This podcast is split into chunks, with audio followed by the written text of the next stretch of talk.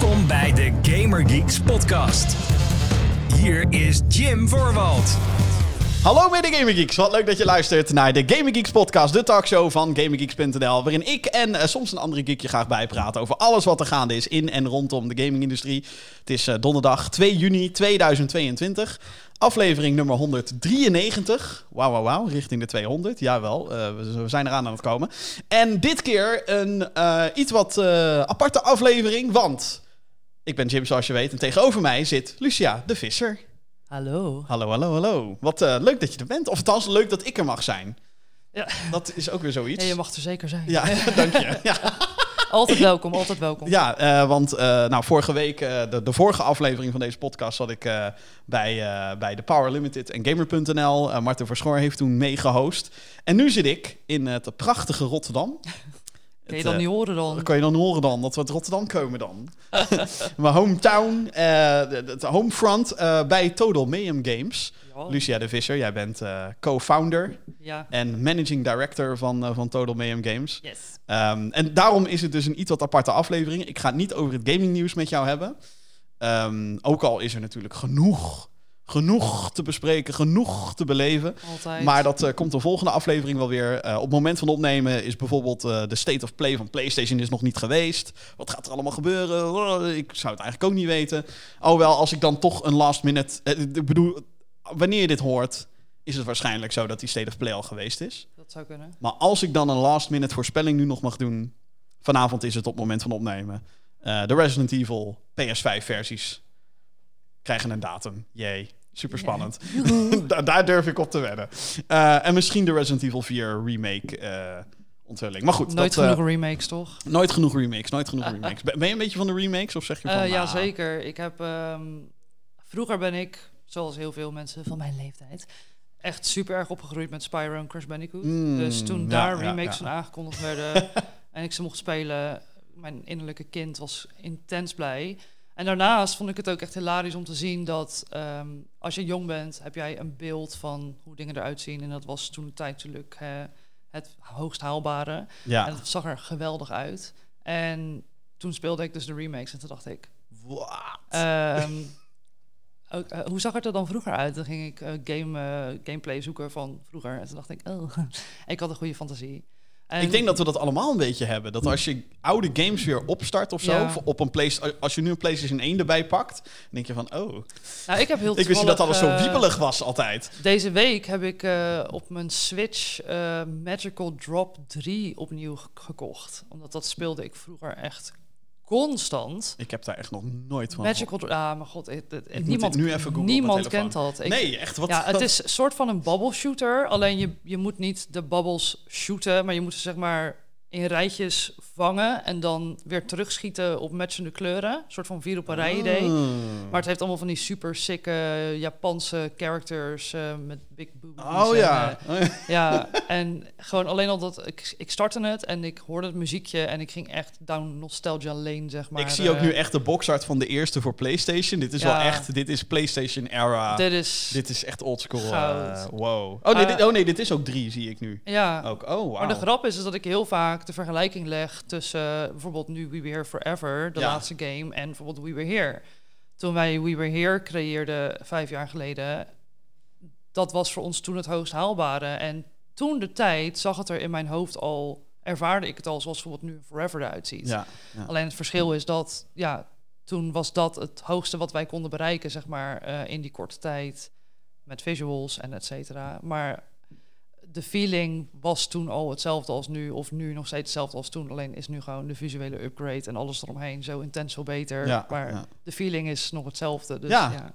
Ehm, want, eh, wat ik al zei, deze aflevering gaan we het hebben over We Were Here en Total Mayhem Games. Want Total Mayhem Games is de studio achter de We Were Here Games. Onlangs de vierde game uitgebracht.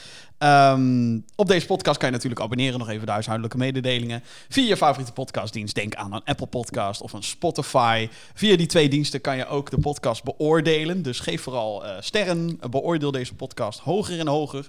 Hoe beter dat is voor het algoritme. Hoe meer zielen, hoe meer vreugd altijd. En een videoversie, die is er ook. Ja, nee, maakt niet uit. Stoot maar lekker tegen de microfoon. Nee, joh, who cares. Eh, was, ik heb eh, dat, ik heb special dat, fact, ik heb dat serieus. Dit, ik, ik, maak, ik bedoel, dit is de 193ste aflevering van deze podcast. Volgens mij is er geen enkele aflevering geweest waarin ik zelf niet tegen mijn microfoon aanstoot. Ja, eh, dit is gewoon een hele nieuwe wereld voor mij. Ik weet niet wat me overkomt, jongens. Uh, maar een videoversie is dus ook te zien via youtube.com slash gaminggeeksnl. Waarin jij echt net, uh, nou toch wel een beetje deze kamer heeft, heeft verbouwd om, uh, om de boel een beetje de, de leuk uit te laten zien hier. Dus dank daarvoor. Ja. En natuurlijk ook bedankt dat ik hierbij mag zijn. En voordat we verder gaan met het gesprek proper, um, moet ik een kleine disclosure geven. Dat uh, ik natuurlijk vroeger indirect betrokken ben geweest bij Total Mayhem Games. Ik heb een paar jaar gewerkt bij uh, Game Drive. Dat is een marketingbedrijf die doet voornamelijk Ja. marketing voor indie-titels. Ja. Um, en toen heb ik ook mogen werken aan We Were Here Together vooral. De derde. Um, dus dan, dan, dan weet je dat. Dan weet je dat dit niet een volledig neutraal gesprek is tussen een podcaster die uh, Ja. pretendeert heel veel van games af te weten. Nee, en, je, bent, je bent een beetje biased. ik ben een Dus- beetje biased. Ja, nee, dat mag, ja, mag gezegd worden. Maar het is in ons voordeel, dus het is goed. Daarom, ja. Dan, dan, is het allemaal prima. Ja, precies. Ja. Ja.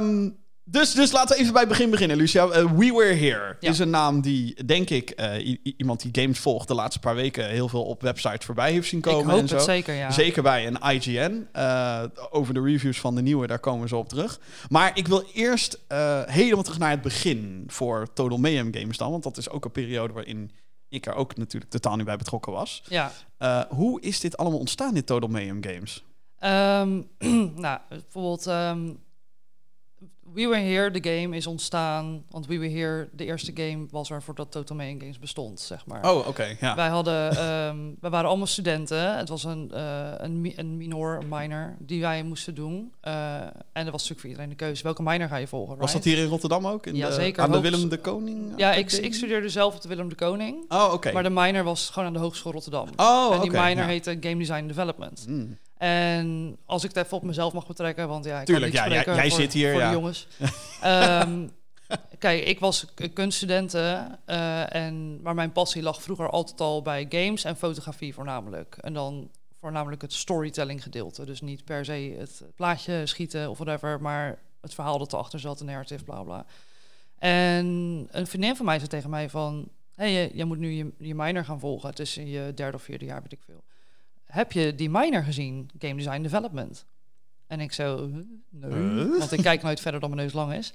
Ehm, dus die zei gelijk van, ja, ga je aanmelden. En toen bleek het dus dat er een, een eh, ja, hoe zeg je dat, een soort ballotage was, zo'n loting, zeg maar. En ik was ingelood en ik zat echt zo van, uh, what fuck, eh, dit, eh, dit had ik nooit verwacht. Want ik heb eigenlijk helemaal geen background, behalve een consument zijn, zeg maar. Ja. Ehm, nou, toen was ik dus binnengelaten en toen eh, was ik redelijk bang, want heel veel jongens en meiden deden bijvoorbeeld ook programmeren of die deden echt art in de vorm van art kunnen maken, zoals 3D-moddelen of animatie. Eh, zelfs bij bijvoorbeeld CMD-opleiding krijg je natuurlijk best wel veel ook eh, marketing en, en ook game design gerelateerde dingen, zeg Ja. maar. En dat had ik allemaal niet. Ik had voornamelijk, mijn opleiding was voornamelijk gericht op eh, art direction, creative direction, dat soort dingen. Maar niet voor games. Dat was bij Willem de Koning eh, heel fel, blijkbaar. Daar deden ze niks mee.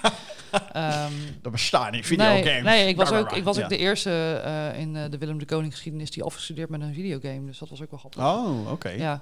Dus je staat daar in de Hall of Fame van Ja, de... nu wel. Nu het succesvol Inmiddels is, sta ik in de Hall of Fame, ja. Maar toen de tijd... In het begin. toen de tijd zeiden ze van, mij niet bellen. Oh mijn god. Ja, was heel, was heel naar. Oh. Maar, eh, Oh. ja, dus Horen jullie dit? Ondertussen zijn ze wat eh, Milder geworden. Ja, precies. Ja. Maar eh, ik kwam dus aangemeld. En toen was de eerste opdracht, moesten we in volgens mij pff, echt drie of zes weken of zo, moesten we een mobile game maken. En toen was ik gelinkt aan nu ook nog twee van mijn huidige co-partners, Sam en Thomas. En zij waren twee programmeurs, maar ik kon Mhm. het gelijk heel goed met hun vinden.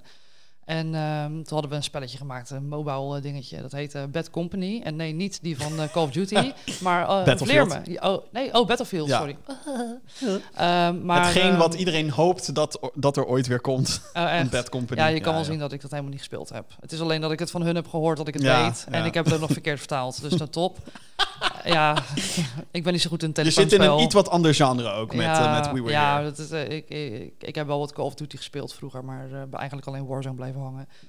Maar ehm, nou, er was t- zo'n platform, eh, zo'n soort van temple run-achtig en dan was je eh, Dracula.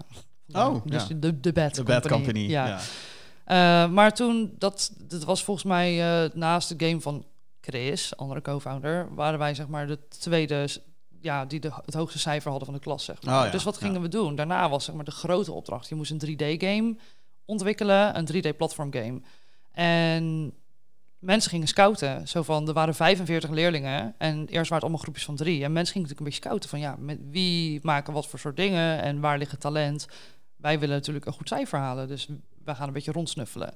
En toen kwam op een gegeven moment Benjamin, een van mijn co-founders, naar mij toe. En die zei, hey, jullie drie, uh, uh, willen jullie bij ons aansluiten in het team? Nou ja. ja, sure, weet je. Ik was altijd het laatste gekozen bij Gym. Dus uh, ik was nu blij dat ik een keer voor het eerst gekozen werd. Ik krijg echt een soort Squid Game vibe, krijg ik nu zo van, ja, gaan wij samen, want wij... We moesten ook met zo'n naald, moesten we dingen... Oh, ja, ja, ja. Een logootje uitkarven. Een logootje uitkarven, een Total Main Games logo uitkarven. Nee. En nou, nou, scout, leuk, groepje beginnen. En ehm, we waren voornamelijk heel erg bezig met wat willen wij echt? Wat zouden wij nou? Want we hebben natuurlijk geen limieten. We hadden geen restricties, behalve een het paar... is gewoon, maak maar iets. Nou, het was behalve wat technische dingen. Je had Ja. een paar um, dingen waar je aan kon voldoen. Zoals bijvoorbeeld een multiplayer game of uh, een lobby systeem. Als je dat soort dingen Oh, zou ja. uh, implementeren, dan Zou kon je extra punten meer, opleveren. meer punten wink. krijgen. Ja. Wink, wink. Dus wij hebben, ja, Sam en Thomas zijn heel ijverig. Dus die hadden basically elk vakje aangetikt van, "Hu, we willen alles proberen. Er zijn vet goede programmeurs natuurlijk ook.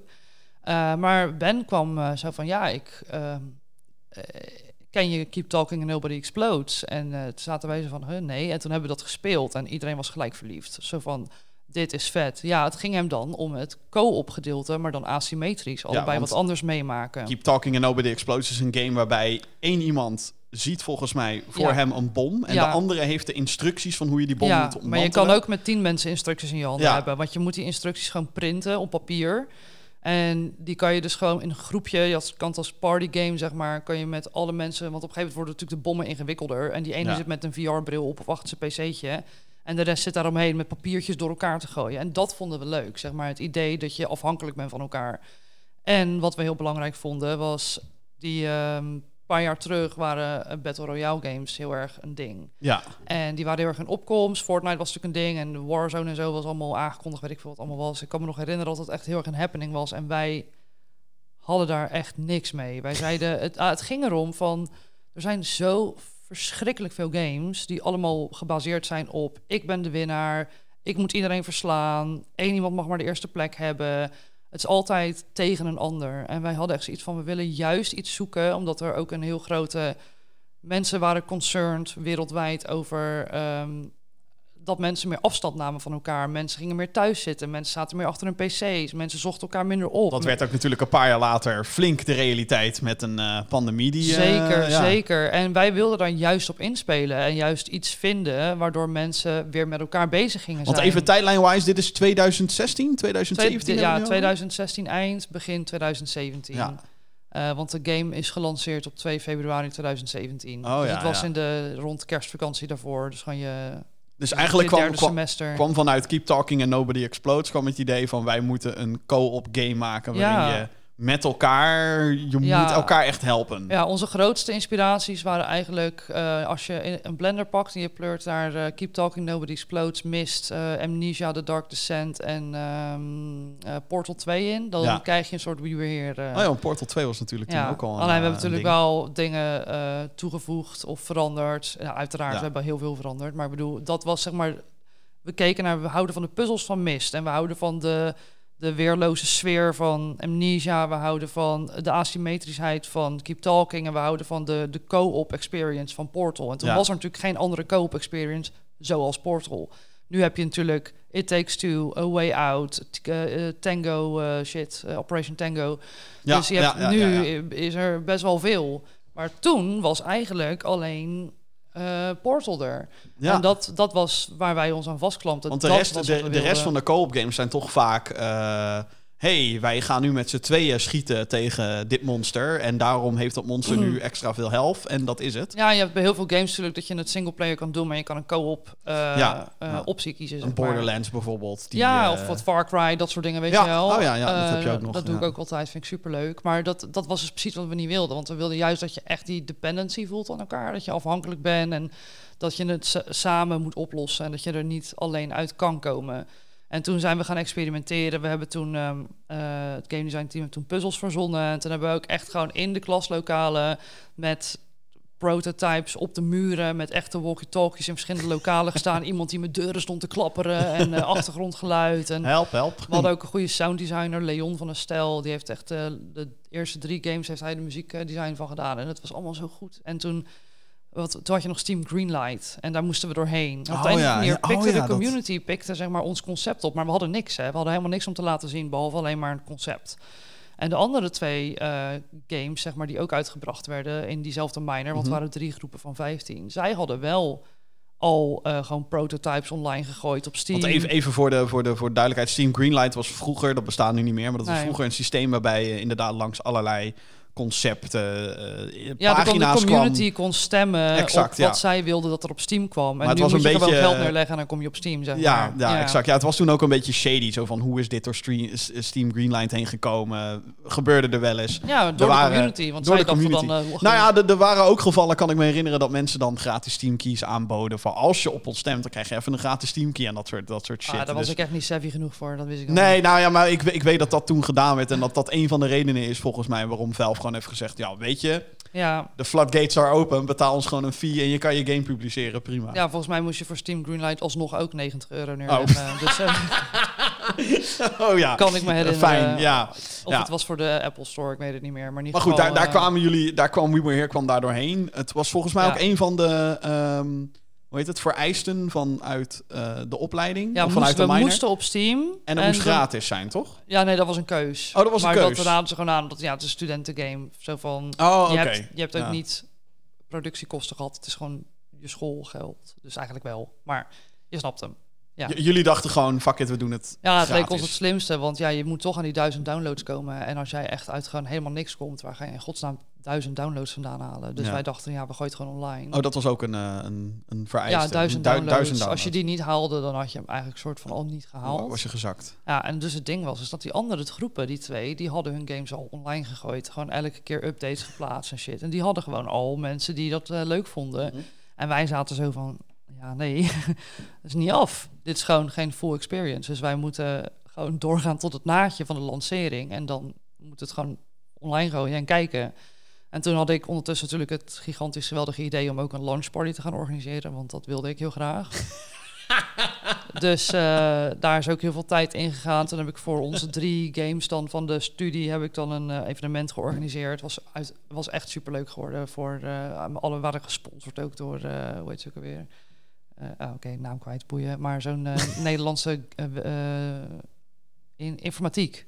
Ik wilde de intratuin zeggen. Oh, ja, de intratuin. nou, dat zou, had, had een hele interessante Nou, geweest, denk ik. de intratuin. Ja, ja, allemaal planten om Ja, ons heen echt, hè? ook, ja. Nee, eh, door informatiek. En die, had, die geloofde in ons. Zei, ja, nee, wel leuk, doe gewoon. En, eh, dus ik had helemaal wat bij elkaar verzameld. Maar we hadden dus die dag zelf, gingen we pas lanceren. En was super spannend natuurlijk. Want onze leraar zeiden ook van, yo... eh, Ja, eh, opschieten, eh, schiet ja. op, want eh, ja, voor het einde van de dag moet je je downloaden. Ik ook, even ook voor, voor, de, voor, voor mij voor de context. Want jullie maken dan een co-op game. Ja, Dat werd over twee explorers die vast komen te zitten in een kasteel. ja. En eh, je moet dan hints aan elkaar doorgeven. met in. Antarctica, lekker logisch ook. Ja, nou ja, goed. Ik bedoel, als je ergens kan verdwalen, is het daar, Daar. ook wel, denk ik.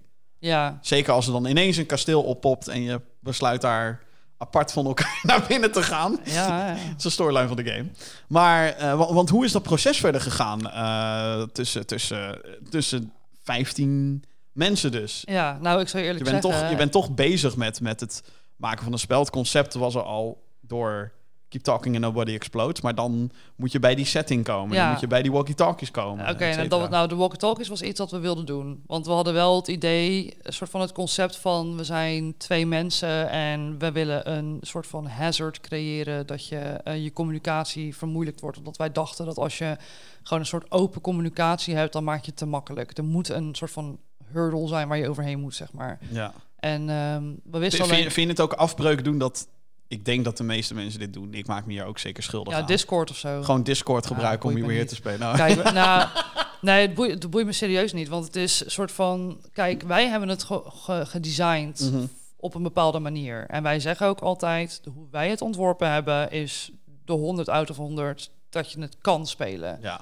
Maar als jij problemen hebt of je vindt een mechanic moeilijk of het, eh, het werkt niet goed voor jouw eh, microfoon, koptelefoon, weet ik wat. Ja, pak gewoon Discord, het is niet voor niets, zeg maar. Maar we hebben het wel ontworpen voor... Hoe een walkie-talkie werkt. Hoe Dus, een eh, dus dat werkt. betekent dus dat als iemand praat, dan kan de ander niet terugpraten. Dan moet Ja. je wachten tot hij is uitgesproken voordat jij Ja, one-way communication. Ja. ja. Maar de locatie en zo, dat was echt heel leuk gegaan. We hadden, zeg maar, we konden niet kiezen, want er waren gewoon echt wel mensen in ons team. De ene vond eh, een medieval kasteelsetting heel vet, de ander vond een Maya-tempel heel vet, de ander Oh, vond ja. eh, een, eh, een Pirate Island heel vet, weet ik veel. Dus op een gegeven moment hadden we gewoon gezegd: oké, iedereen uit het team mag, wat was het, een locatie, een situatie, en dit en dat opschrijven. En dan aan het einde van de rit krijgt iedereen drie stickers. En dan moet jij voten op wat jij wil. En toen op een gegeven moment hadden we dus nou, een, een kasteel en bla bla. We hadden wat dingen, daar was op gestemd. En toen had één iemand uit ons team, Vicky, die had nog één sticker over die op de, de wereld, zeg maar, moest. En het ging tussen eh, medieval eh, Engeland of zo en Antarctica. En toen had zij als laatste die sticker bij Antarctica gepleurd. En iedereen keek elkaar aan zo Oh, van... God. Oh, Oh, my nee. god, hoe doen we dit? Hoe gaan we dit in godsnaam doen? En zij had echt de tijd van haar leven. Zo, want ze, weet je wel. Uiteindelijk is dat natuurlijk heel goed uitgepakt, omdat daarmee Ja. de, de We Were Here-serie echt een soort... Dat maakt het heel eh, tof, de setting van Castle Rock, want dat ja, het uiteindelijk. Eh, nou ja, ja, het gaat nergens over. Dat, dat, nou ja, daar komen Ja, we zo denk ik wel op terug. Want ja.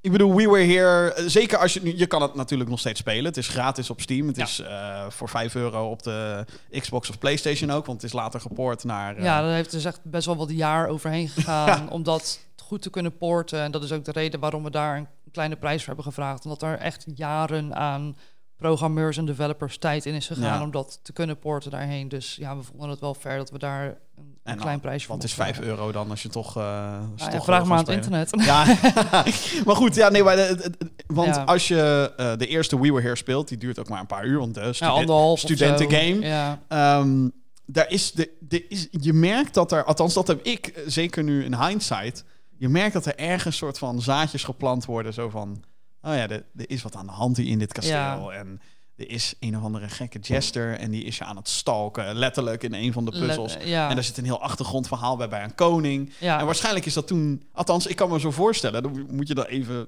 nu bevestigen of niet of dat zo is. Maar ik kan me zo voorstellen dat het is, ja, dat hebben we voor die puzzel geschreven en het zal wel. Nee, nee, nee. nee. Maar dat, het was altijd al de bedoeling geweest dat dat de grant... Ja, ja, dus, eh, eh, want toen was ik degene die de story schreef. Mhm. Ehm, en wat echt de jester met de king. Nou, sterker nog, er zijn ook heel veel characters nog in die eigenlijk eh, nooit het daglicht hebben gezien in de games. Nee. Eh, maar, Want, want voor degenen die het nog niet hebben gespeeld, ja, doe dat.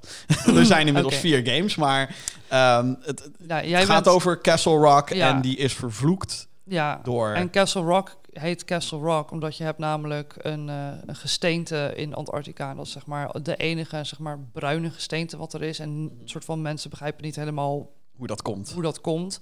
En dat heet dus... Oh, shit. Ja, dat, dat heet iets met rock. Ehm, dus toen hadden wij de gedachte dat de mensen kunnen denken dat het een, een, rockforma een steenformatie is.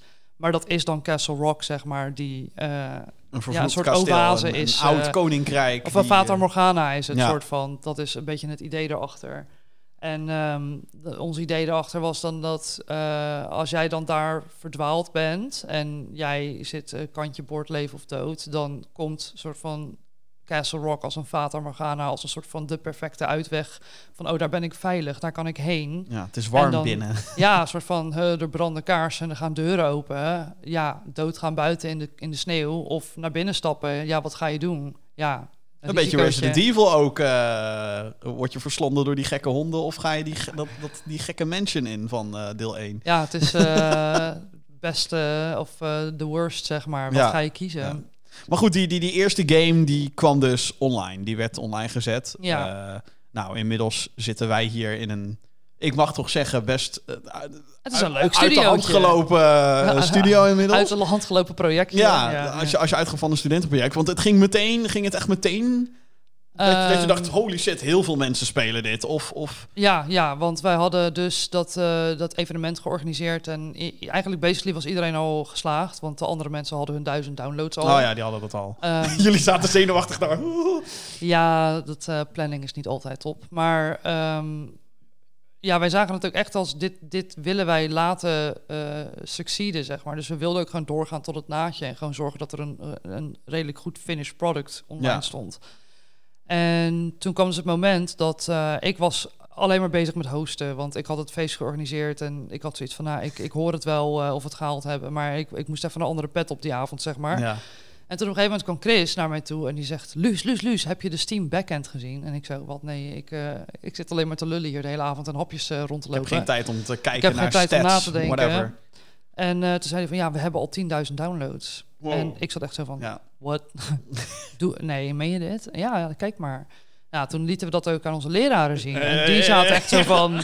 Wat? ehm, Want uiteindelijk is, is, is, die, is, is We Were Here 1 is al meer dan een miljoen keer gedownload volgens mij op Steam. oh god, ja, meer. Een Meer. paar Jeetje. miljoen. Ja, Jezus. ja. Ja. ja, het is wel heftig. Aan de ene kant ook wel slim natuurlijk, want je zou de slagingskans is eigenlijk dubbel zo hoog bij We Were Here, omdat twee mensen het natuurlijk moeten downloaden om überhaupt te kunnen spelen. Ja, ja. Niet dat ik afbreuk wil doen aan het succes, maar, Nee, nee, nee, nee, nee. maar, alsnog is- met 10.000, als je, zelfs als je dat door tweeën zou, heb je al 5000. heb je al 5000, dan Ja. ben je ruim geslaagd. Ja, zeker. Dus jullie kregen een soort van hartaanval bij dat feestje. Zo van, holy ja, nou, het feestje werd wel een stuk leuker, ja. ja. bring in die alcohol. Ja, echt hè. Maar het, er was ook wel gelijk... Ja, de, onze leraren zeiden ook gelijk van... Oké, dit is wel... eh, zij, hebben dat, zij deden dat toen al tien jaar of zo. Of iets langer. Nee, we waren volgens mij het tiende jaar. En ze zeiden ook van... Nou, in onze tien jaar hebben we wel één of twee games gehad... die wel wat verder zijn gekomen. Ja, Mhm. na hun studie ook. Ja. Maar dit is nog niet voorgekomen. Dus eh, toen kwam dus ook een punt na het feestje, zeg maar, eh dachten de week daarna, dat onze leraren ook tegen ons zeiden van, ja, wij gaan nu iets heel onorthodox voorstellen, maar hier ligt een kans. Zou je niet misschien je studie, je afstuderen pauzeren om dit te gaan Oh, eh ja. zeg maar, achter, achter te gaan achtervolgen. Dat, eh, dit is iets, dat hebben wij nog nooit meegemaakt en mensen vinden het concept te gek. Misschien moet je hiermee doorgaan. Nou, toen ehm, hebben wij wel duidelijk besloten van... oké, we moeten hier iets mee gaan doen. Dus we wilden een bedrijf op gaan richten. Nou, Total Mayhem Games. Ehm, toen zijn er negen mensen afgehaakt. Want die wilden niet... ehm, die wilden of gelijk afstuderen... of die... Ja, te groot risico, weet Ja, je. exact. Want is- je, je ja. gaat ineens alles opzij zetten voor... Nou ja, Voor gewoon een, iets wat je alleen maar een soort van proof of concept hebt. Maar er is geen geld mee binnengekomen. Het is alleen maar mensen hebben het gespeeld. En ze vinden het leuk, zeg Ja. maar. Ehm, dus toen zijn we met z'n zessen overgebleven. En Leon is er wel bijgebleven, maar die is freelance voor ons de muziek gaan doen. Zeg maar, die is wel doorgegaan met wat Ja. hij deed. Leon is de composer Ja, van de 1, composer 2, van de 3. muziek. Ja. Ehm, en toen zijn we dat bedrijf gaan oprichten. En, oh, sorry. En ehm, ja, dat was best wel even een, een struggle aan het begin. eh, om dat allemaal op gang te krijgen. We hadden natuurlijk helemaal geen geld. En elke maand ging er alleen maar geld naar eh, het omhoog houden van de servers voor We Were Here. Oh ja, want dus- dat, dat is natuurlijk ook een element wat heel veel Ja, mensen waarschijnlijk de- vergeten. Omdat Discord is gratis, Twitch is gratis, Twitter is gratis, whatever. Nee, het was echt... Deze want- podcast host ik gratis ergens, ja. En nee, maar we moesten 300 eh, euro per maand betalen om de servers omhoog te, hou- Oh. te houden om mensen We Were Here te kunnen laten spelen. Dat maar, valt eigenlijk gezien de capaciteit, of althans gezien miljoen downloads en zo. Ja, Miljoenen natuurlijk, eh, niet, valt het mee, maar als je ervan uitgaat, Ja. we krijgen niks binnen, dan is 300 Ja. per maand ineens. En er was geen plek op school voor ons om een lokaal te krijgen om daar verder te werken. Dus wij moesten een, eh, ergens voor een soort studiootje gaan zoeken. Oh ja. En toen eh, zijn we beland eh, op de Veerhaven in Rotterdam. En dat was in een zo'n bedrijfspand waar eigenlijk alleen maar advocaten zaten en dat soort dingen. Eh, maar via via, want mijn ouders hadden een lunchroom en die kenden daar mensen. En een van die mensen die had dus eh, pandjes en die zei, oh je kan hier... eh, I know de- a guy. who I know a guy, who knows a Who guy. knows a guy. En wij kunnen een ruimte voor een extreem lage prijs aan je verhuren. En dat was een kelder. Volgens mij heb ik daar foto's van gezien, ja. Dat jullie Dat echt gewoon kunnen. bij elkaar Ja, we zo hadden meest... één zo'n heel klein streepje licht, zeg maar. Ja, Dus echt zo'n heel, heel krap Vitamine D kamertje. kenden we niet. Ah, Ja, een soort vampieren... een soort vampierengrotje. Zeg maar, zo, zoals je die South Park aflevering met die World of Warcraft... Oh maar dan dubbel zo klein, allemaal eh, Ja, op dat. elkaar. Jullie zaten bekend op elkaar, lippen. Ja, want we hadden ook maar een derde van de ruimte gehuurd. Oh, oh, ook dat nog eens. Ja, Oh, want ja. anders vroegen ze meer voor een kelder die Oh, eh, ja. lekte. En toen, toen werd We Were Here 2, ging toen in productie. Was het eigenlijk wel meteen zo van, ja, dit wordt gewoon een vervolg op? Ja, ja, want het was voor ons heel duidelijk van... dat is waar wij nu een soort van proof of concept van hebben. Mensen zeiden, we willen meer van dit, want er is gewoon niks zoals dit. Dus Nee. dit is waar we naar zochten, we willen meer van dit. Ja, dan ga ik niet wat anders maken. Sterker nog, moet ik weer opnieuw een nieuw concept verzinnen... en dan weer een risico nemen, nu wel voor geld... en nu wel met mensen Ja. eh, in die hun studie hebben opgegeven. Ja, ja, dat zou natuurlijk ook een beetje, een beetje raar zijn als je ineens compleet iets anders gaat doen, terwijl... Ja, van de duidelijk is van, van- We Were Here, een studentengame van anderhalf uur die gratis op Steam staat. Ja, Nu een nieuwe. ja huh. Maar goed, we- eh, ik bedoel, We Were Here 2 is ook, eh, ook als je het speelt, wederom PC, Xbox, PlayStation. Daar is het allemaal op te vinden. Ehm, het is ook echt een vervolg in zijn meest pure vorm, omdat het heel erg bouwt op, oh ja, dit, dit, dit is meer We Were Here. ja, Eh, met Ja. her en der wel een, eh, een, een extra spanningselement, wat ik eh, heel erg leuk vind. In de tweede zitten veel meer... Ik denk dat hij de meeste puzzels heeft tot nu toe. Even afkloppen voordat wat de ik mis meeste heb. puzzels. Nee, nee, niet de meeste puzzels, maar de meeste puzzels waarin je direct in gevaar bent. Dus als je Ja, niet op ja, tijd redt, is- dat je dan... Ja, dat is de meest dreigende game. Maar dan Ja. kan je ook heel erg, ehm, mocht je, luisteraar, mocht je zeg maar denken, oh, ik ga googlen wat voor game dit is. Dan zie je ook dat de, de visuele stijl van We Were Here 2 heel anders is dan die van We Were Here, Ja. We Were Here Together en We Were Here Het is nog echt een soort gritty... eh, Ja, dat komt omdat wij dachten, wij hadden een soort beeld in ons hoofd. En dat was dat de stijl die wij hadden, dat uh, dat Mhm. vonden we helemaal het einde. Want dat is Victor, onze, eh, ja, de lead artist, zeg maar. Dat die is, ook nog steeds En die is hier zit nog steeds, trouwens. ja. Ja. Dat is zijn soort van trademark stijl. Maar wij hadden zoiets van, ja, ehm, als je beter wil zien, de uitzien qua kwaliteit en een soort van professionele wil overkopen, dan, kopen, dan moet je ook er professioneler uitzien. En wat linkten wij aan professioneel? Dat was Realistisch. van realistisch. Ja, ja. Dus Was dat ook echt een beetje de druk die jullie op dat moment, naast de financiële druk natuurlijk, van hey, we moeten, maar is dat ook zo van, we gaan nu geld vragen hiervoor? Ja, echt precies dat. Wij dachten, shit, we moeten onze game wel echt upsteppen. Want mensen, wij moeten hier straks een bedrag voor gaan vragen. En mensen moeten wel het gevoel hebben dat ze eh waarvoor hun geld krijgen, zeg Ja. maar.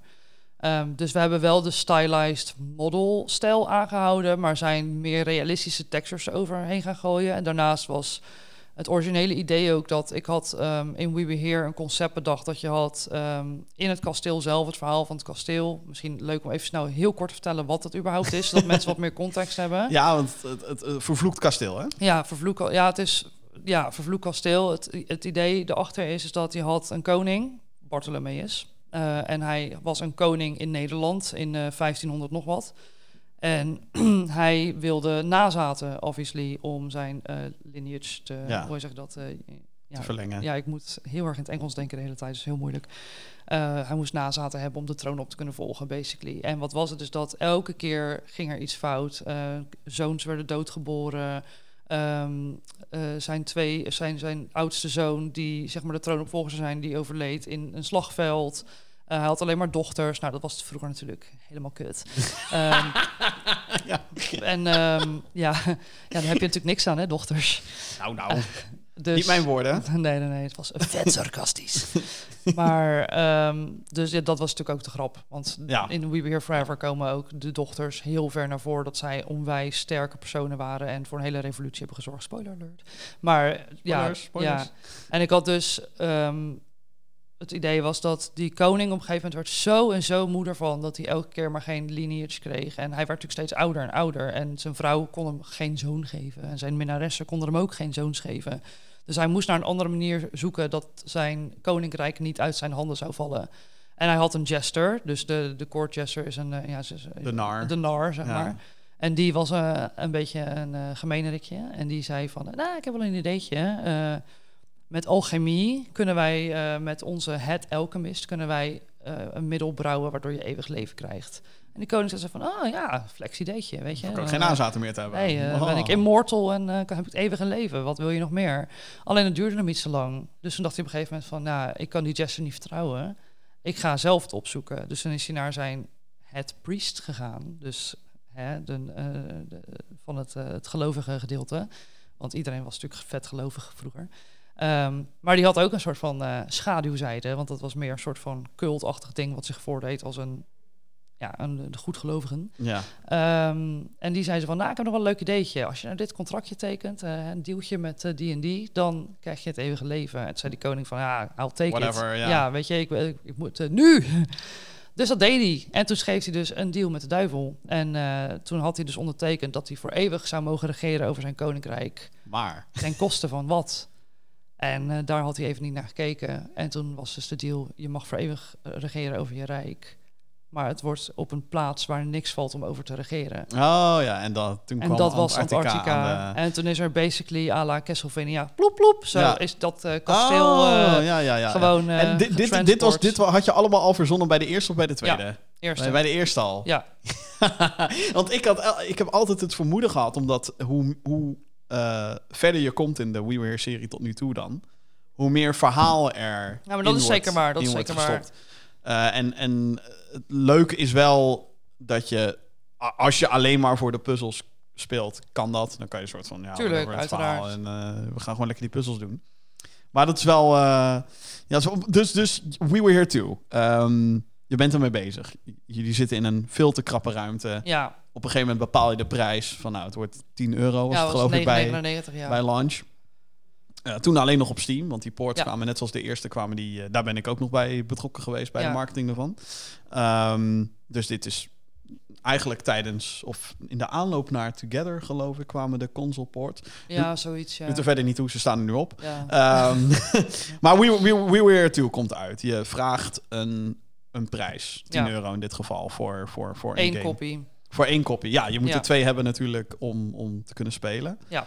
Ehm, ja, wat gebeurde er toen op het moment dat je op launch drukt? Ah, het was heel eng, want wij hadden sowieso de lancering moeten uitstellen. Omdat wij ehm, basically met hetzelfde team grotere ambities hadden. Dus we hebben daar ook anderhalf jaar over gedaan. Maar we dachten op een gegeven moment wel van... ja, shit, we moeten ook wel echt mensen gaan aantrekken van Triple A. Studios denken anderhalf jaar. Dat is niks, joh. Ja, Dat is niks. eh. Dat is nog niks, anderhalf jaar. Dus eh, we hadden wel wat hulp van buitenaf gekregen... maar we konden mensen ook niks beloven... behalve als de game verkoopt en het loopt goed... Ah ja, dan dat is echt een... kunnen we... eh, Ja, het is echt de meest... Ja, het, het is bijna schaamtevol. Maar we, we hadden zo'n intens sterke gut feeling... dat we echt iets goeds in handen hadden. Want de eerste maand na de lancering van We Be Here... hadden we al 200.000 downloads. De tweede maand al 400.000. De derde maand al 600.000. Jezus. Dus het was ook niet alsof we het baseerden op gebakken lucht, zeg maar. Nee, het was niet, niet dat je denkt, oh, ik, wij vinden dit zelf leuk, dus... Nee, het was echt, de mensen zeiden, dit was leuk, we willen meer. Ja. Dus we wisten gewoon dat er een markt voor was. Alleen wij wisten niet hoe we die markt moesten bereiken of whatever. Dus daar kwam gelukkig ook Game Drive hè, in, Marketingbedrijf in, in het ingezet, beeld. ja. Ehm, dus we hadden eigenlijk alleen maar een belofte van, ja, help ons. En, Maar eh, eigenlijk wordt het dus ook steeds financieel zwaarder. Want je komt met een marketingbedrijf aanzetten. Je Ja. komt eh, met eh, de servers moeten onderhouden worden. Je weet dat je straks servers gaat willen onderhouden voor twee titels in plaats van één. Ja, Eh, jeetje, Mina. ja, ja, dat Ja. echt heel stressvol. En zeker ook in zo'n kelder. En als je, zeker als je mensen alleen maar een soort van beloftes mag maken, omdat Mhm. je gewoon, ja, Voor exposure. Nee, Ja. niet voor exposure, maar voor hopelijk ja, komt het goed. ja. Maar, en, maar eh, de- was dat boven je verwachting ook? Toen we were here toen Ja, ja, eenmaal, zeker, eh, zeker. Want we hadden wel enigszins een soort van verwachting neer kunnen leggen. En daar waren we content mee.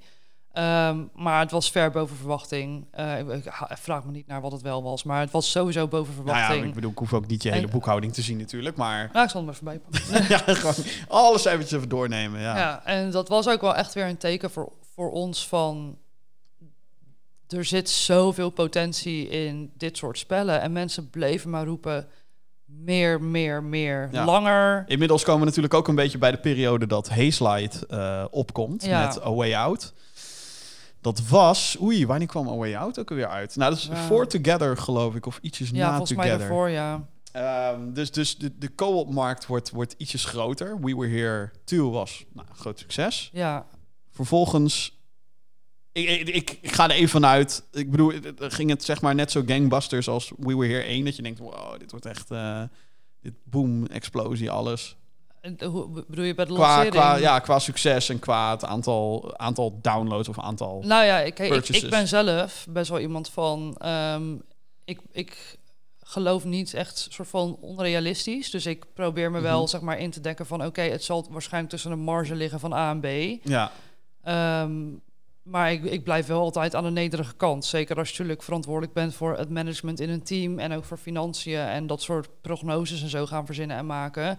Als jij het te wild allemaal zeg maar gaat verzinnen, je kan beter te laag inschatten dat beter wordt. Oh ja, zeker, dan ja, andersom, right? Het is natuurlijk ook de grote eh, eh, Square Enix heeft dat altijd gehad met de Tomb Raider games en zo. Oh, het heeft allemaal ondermaat gepresteerd, terwijl 7 miljoen keer verkocht. En dan denk je, Ja, wat is ondermaat, jongens? Ja, Dat is wat, ah, daar hebben we natuurlijk wel over een compleet andere gradatie qua publisher en zo. Maar ja. ja, dat is wel. Ik denk dat het altijd handig is om uit te gaan van het ergste.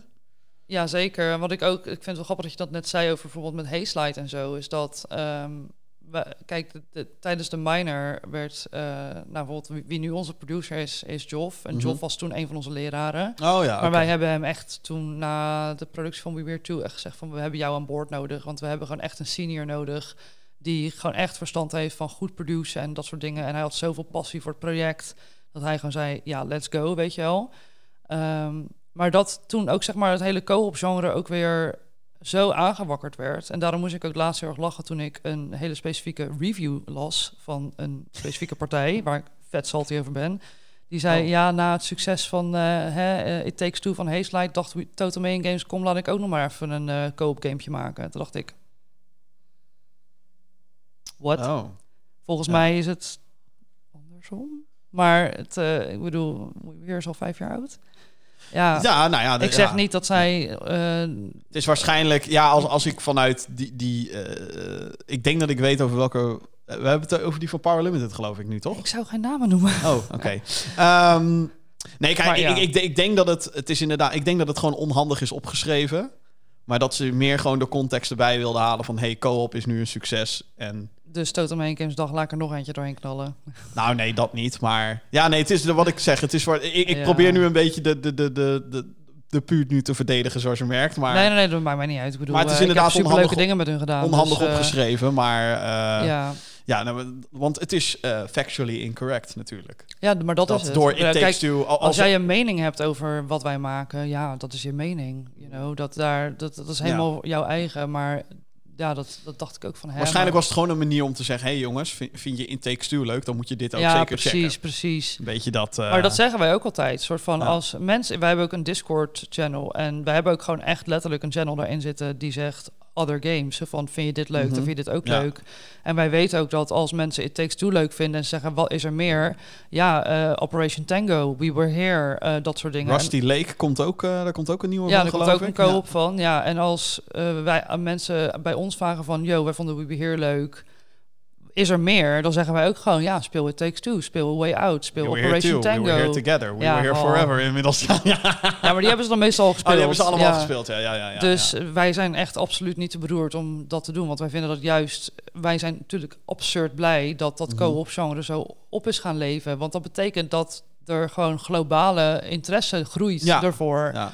En dat is natuurlijk ook voor ons voordelig. En ja, in die end, sorry, natuurlijk snap ik dat iedereen concurrentie is van elkaar. Maar je, je zit allemaal in één groot segment. En je deelt met iedereen spelers. Niemand heeft maar één spelletje wat hij speelt. Iedereen heeft een hele Steam library vol met games in de sale die hij nooit gespeeld heeft. Nee, precies. Dus ja. ja, eh, als je elkaar een beetje kan ondersteunen daarin en eh, interesse kan blijven houden in het genre ook, dan ja, why not, weet je? Ja. We Were Together was, eh, of is, de derde. Die Ja. kwam natuurlijk na We Were Here Too. Ehm, zou, je, zou je durven zeggen dat met We Were Here Together Total Mayhem Games echt een studio werd? Ja, zeker. Want nou, We Were Two was natuurlijk nog steeds een soort van semi-studentico's. Omdat Ja. wij, ehm, nou, we hadden volgens mij maar twee of drie mensen die met ons eh, dat avontuur aangingen. Waarvan eentje is Jessica, onze 2D-designer, Mhm. graphic designer. Die zit hier ook nog steeds. Eh, die heeft ook eh, al die gave dingen voor Chronicles of Castle Rock getekend. En de hele game met dingen getekend. Dat is echt te gek. En die is ook vanaf het begin al bij ons. Ja. Ehm, en eh, vanaf We Were Here Together, toen hadden we natuurlijk pas als e- een eerste budget. Want We Were Here 2 was de eerste game die voor geld verkocht. Dus ja, toen dus hadden we kan je ineens- zeggen, we, we, we kunnen de derde maken onder deze Ja, dus- financiële omstandigheden. Precies. En toen hadden we dus ook gelukkig een echte studio ehm, eh, gehuurd. Dat was maar 40 vierkante meter. Daar zaten we met 10 tot 12 man in. Oh ja. Ja, was Ja. echt. Jezus. Een soort van als je je, je bureaustoel naar achter rolde, dan zat je bij de ander op zijn schoot. Precies, ja, was ja. echt. Maar het was een hele leuke studio. Het was echt op de Witte de Witstraat in het centrum. Dus het Oh was, ja, eh, oh ja, zo klek. Ja, Ja, ja, was zo'n flexplek, maar wij hadden dan zo'n stukje gehuurd. En het was, Oh, su- ja. het was een superleuke tijd. Het was echt heel leuk. Maar ja, we, we groeiden zo snel uit onze voegen. Want ja, we hadden op een gegeven moment kwamen we een beetje tegen een punt aan dat we eigenlijk geen budget meer hadden. Maar we hadden wel een ambitie. Together, together duurde best, nou ja, lang. Nogmaals, het Volgens ligt mij maar net aan. 18 maanden. Ja, ligt er maar net aan wat voor context je het plaatst natuurlijk. Want wat, wat Ja. is lang voor het maken van een game? Ja, maar wij hadden natuurlijk met We Were Here 2, eh, dat was onze enige inkomstenbron. En Ja. wat we daarvan binnenkwam, daar moesten we het zeg maar ook van doen. En, ehm, Was dat ook een, een, een, een motivatie of een reden om ook de console ports te doen voor 1 en 2? Ja, tuurlijk. Dat is echt, eh, dat is basically eh, gewoon je publiek verbreden. Ja. eh, mensen die geïnteresseerd zijn in je game toegang geven. Maar natuurlijk ook een cashflow, Ja, obviously. ja, ja. Ja, ik bedoel, voor niks gaat de En het is op. natuurlijk ook, ook weer daarmee, een, althans een risico. Ik weet niet of je dat een risico kan noemen, maar wat je al zei, ja, die ports moeten wel gemaakt worden. En Ja. dat is ook weer tijd wat afgaat van eventueel Together. Of je moet er dan weer extra mensen bij halen. Kost ook allemaal weer extra geld, geld, geld. Ja, ja, nee, zeker. Want we hadden natuurlijk ehm, eh, de programmeurs die we hadden, dat waren twee. En daarmee moesten we dus en een game programmeren en ports meedoen voor de vorige games. En toen hebben we gelukkig wel bij We Were Together zijn we al begonnen met een beter soort van kader neerzetten. Dat het makkelijker portbaar Ah, is ja, naar ja, ja. console en dingen. Maar daar heeft toch ook nog flink wat tijd overheen gezeten. En ja, je ziet het nu ook weer met Forever. Hoe hard we echt aan hebben geprobeerd te werken om het allemaal tegelijk te laten lanceren. Lukt niet. Het blijkt, het is gewoon moeilijk. En Ja. zeker met, ja... Ja, want heel veel mensen denken natuurlijk, of nou natuurlijk, die denken, oh ja, het is hallo, gewoon copy-paste en eh, export en, en je zit op PlayStation toch? Vraagteken. Ja, nou, ik weet niet of iemand ooit het handboek van PlayStation heeft gezien, maar ik, eh, eh, ik wil, ik, nou ja, ik, wat ik al, ik- kan je een bureaustoel van maken. Echt waar. Wat, wat ik soms al heb gehoord bij, bij, bij die marketingjob die ik dan had over allerlei boxes die je moet aantikken als product zijnde. En dan gaat het alleen maar over marketing dingen die ik dan heb gehoord. Dat is nog Ja. niet eens technisch gezien van het moet dit en het moet zus en Ik het weet nog wel, eh, nou, als je luistert, dan kan je het niet zien, maar als je eh, kijkt, dan kan je het wel zien. Ik denk dat Steam die zegt gewoon, ah joh, doe maar. Ja, ja, precies. Als het werkt, Ja, dan werkt als het. het werkt, dan werkt het. Als je genoeg verkoopt, is leuk, doe maar. Ja, Eh, krijgen nou, we ook weer geld van namelijk. Ja. Velf, duimpje omhoog. Jee. Ja, en eh, Xbox, Xbox was echt een kei. Xbox die, support, die was heel erg op zoek naar indie titels voor op Xbox, omdat ze natuurlijk toch kleiner zijn dan PlayStation. Ja. En die, zei- die hebben alleen maar meegewerkt. Dat was echt te gek. En, eh, maar zij hadden, want op een gegeven moment hadden we ze ook fysiek geprint, de handboeken, zeg maar, om gewoon te kijken. Ja. En die van de, de, de Xbox was dan nou, zo dik ongeveer. Nou, ik zou zeggen Oh. 2 centimeter. Ja. En die van PlayStation was denk ik zo. Was er gewoon Dikke Driedubbel- 5, 6 driedubbel zo, centimeter eh, dik ja. aan papiertjes. Dus eh, dat was, nou, dat, dat hij, daar heeft echt wat over tijd overheen gezeten. En we kregen ook niet echt support vanuit PlayStation zelf. Want ja, die hebben zoveel aanbod. Die denken ook van, zoek het maar uit. dus, eh, dus ja, dus... Mer- merk je trouwens dat dat een beetje aan het veranderen is nu in, in, in Eh, deze periode? Want PlayStation, ja. ik, vind zelf dat PlayStation een beetje struggelt qua PR en qua hoe ze sommige dingen aanpakken. Die nieuwe dienst daarvan denk ik, eh, jullie hebben niet echt geluisterd naar wat mensen willen. Ja, het is De- sowieso hun- altijd hun- moeilijk hun met console support. PC. Ja, hun indie support lijkt ook een beetje naar, naar beneden te gaan. Ja, maar terwijl- PlayStation heeft sowieso toch helemaal geen zin in indies. Nee, niet. Nee. nee, ja, volgens mij... eh, ja, ik merk zij- namelijk vanuit Xbox, althans, dat is ook natuurlijk hoe ze marketing aanpakken. Maar vanuit Xbox hoor ik veel meer zo van: hey, deze toffe indie staat bijvoorbeeld Ja, op Game ja. Pass. En dus moet je dat checken. Zeker. Ja, ik denk dat er hangt natuurlijk nog steeds om het woord indie. Er hangt aan de ene kant hè, creativiteit en, en vrijheid. En een soort van vernieuwend misschien zelfs. Ehm, maar ook, ja, het kan inge, ingeschikt worden bij kwaliteit of bij lengte Ja. of de verhouding waar Nou ja, ik, ik denk ook dat het woord indie wordt natuurlijk heel erg misbruikt tegenwoordig. Omdat indie betekent independent. Ja, Total Mayhem Games is Jullie hebben geen, independent. Ja, jullie hebben geen uitgever, jullie eh, hebben geen... Nooit. Nee. Dus eh, PlayStation, eh, trek je checkboek er maar bij. Ehm, met al die aankopen die nu natuurlijk gaande zijn. Zou, zou, zou, zou dat een... een nu, nu we het er toch over bestel, weet ik veel. Xbox komt toe. Hypothetisch. Hypothetisch. Stel, Xbox komt naar jullie toe van... Ja, hey, we hebben al zo'n library aan studios. Hè. We hebben eh, Ninja Theory hadden we natuurlijk overgenomen. Die komen met Senua's eh, Sacrifice, Hellblade 2. eh, dit en dat. Game Pass wordt de toekomst, bla bla bla. Total Mayhem Games moet naar Xbox. Ja, nou, zou, zou dat überhaupt iets zijn dat je zou over... Of PlayStation komt met een... Hè, Herman Hulst komt hier ineens eh, binnenwandelen.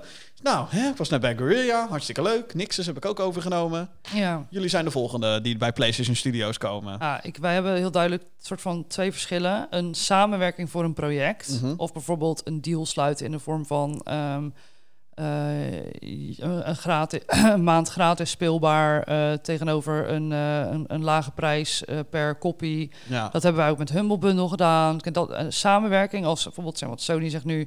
Nou, we willen met jullie een game maken. Ja. En dan is er een x-budget om dat game te maken. En En, dan is wij tijdelijk- overzien dat. ja, dan is hij zes maanden of een jaar exclusief voor PlayStation. En daarna ga je lekker Precies, je daar gang. zou ik 100% voor openstaan. Want Ja. dat is dan een samenwerking voor een bepaalde titel of een project.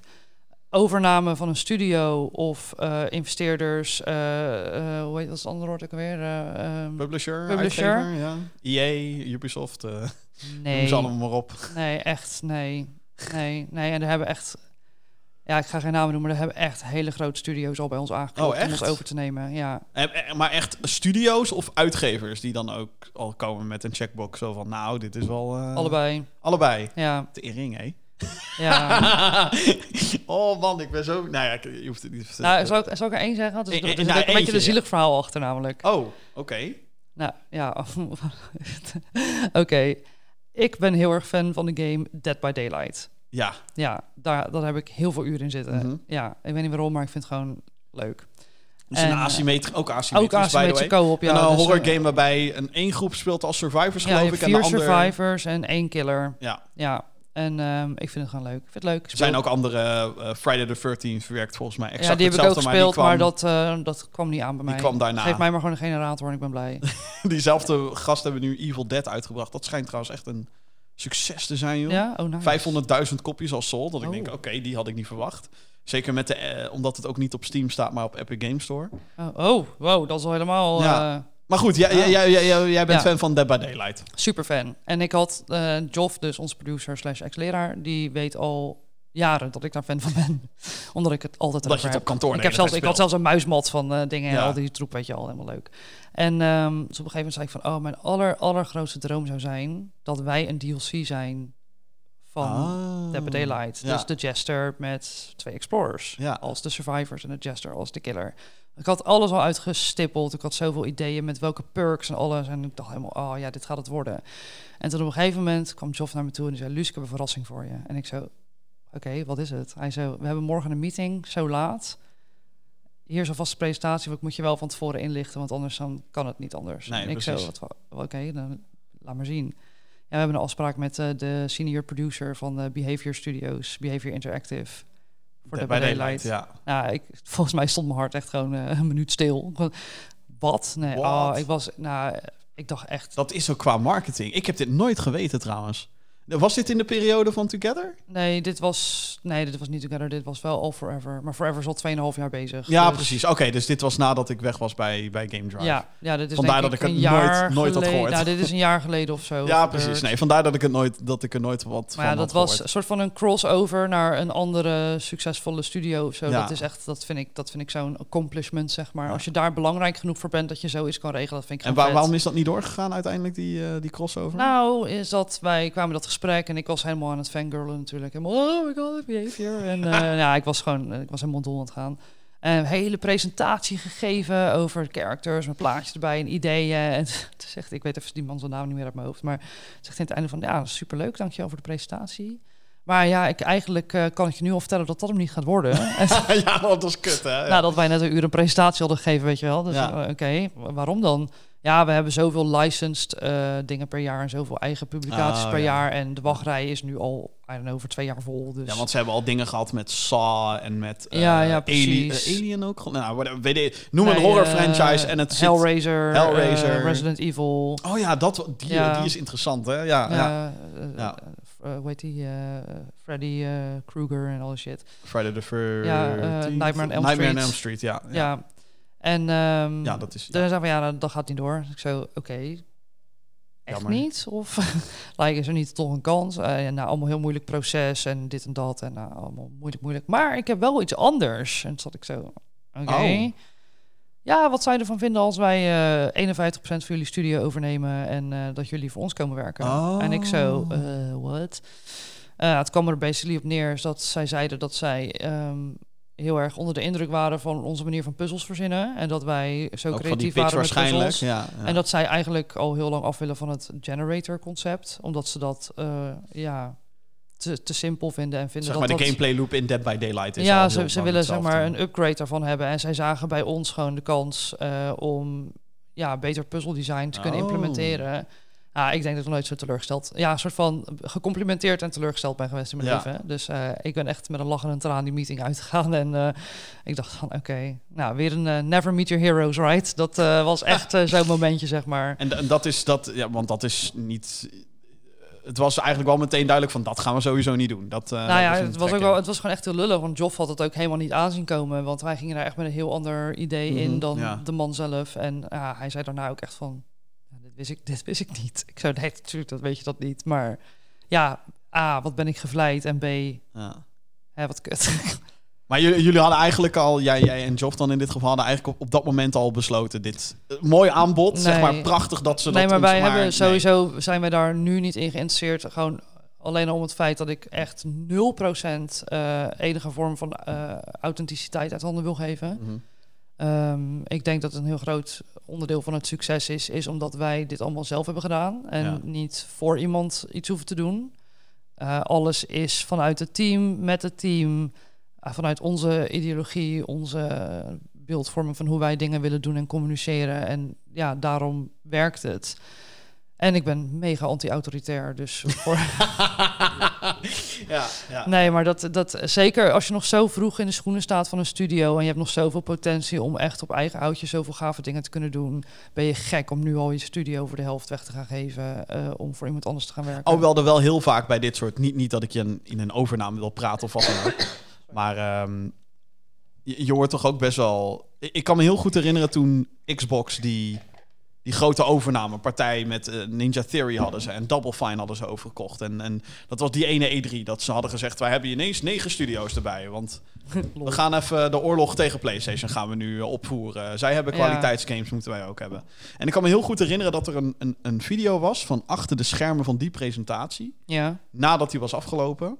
En dat was eigenlijk was daar, want dat was ook die, eh, die E3-presentatie met Keanu Reeves.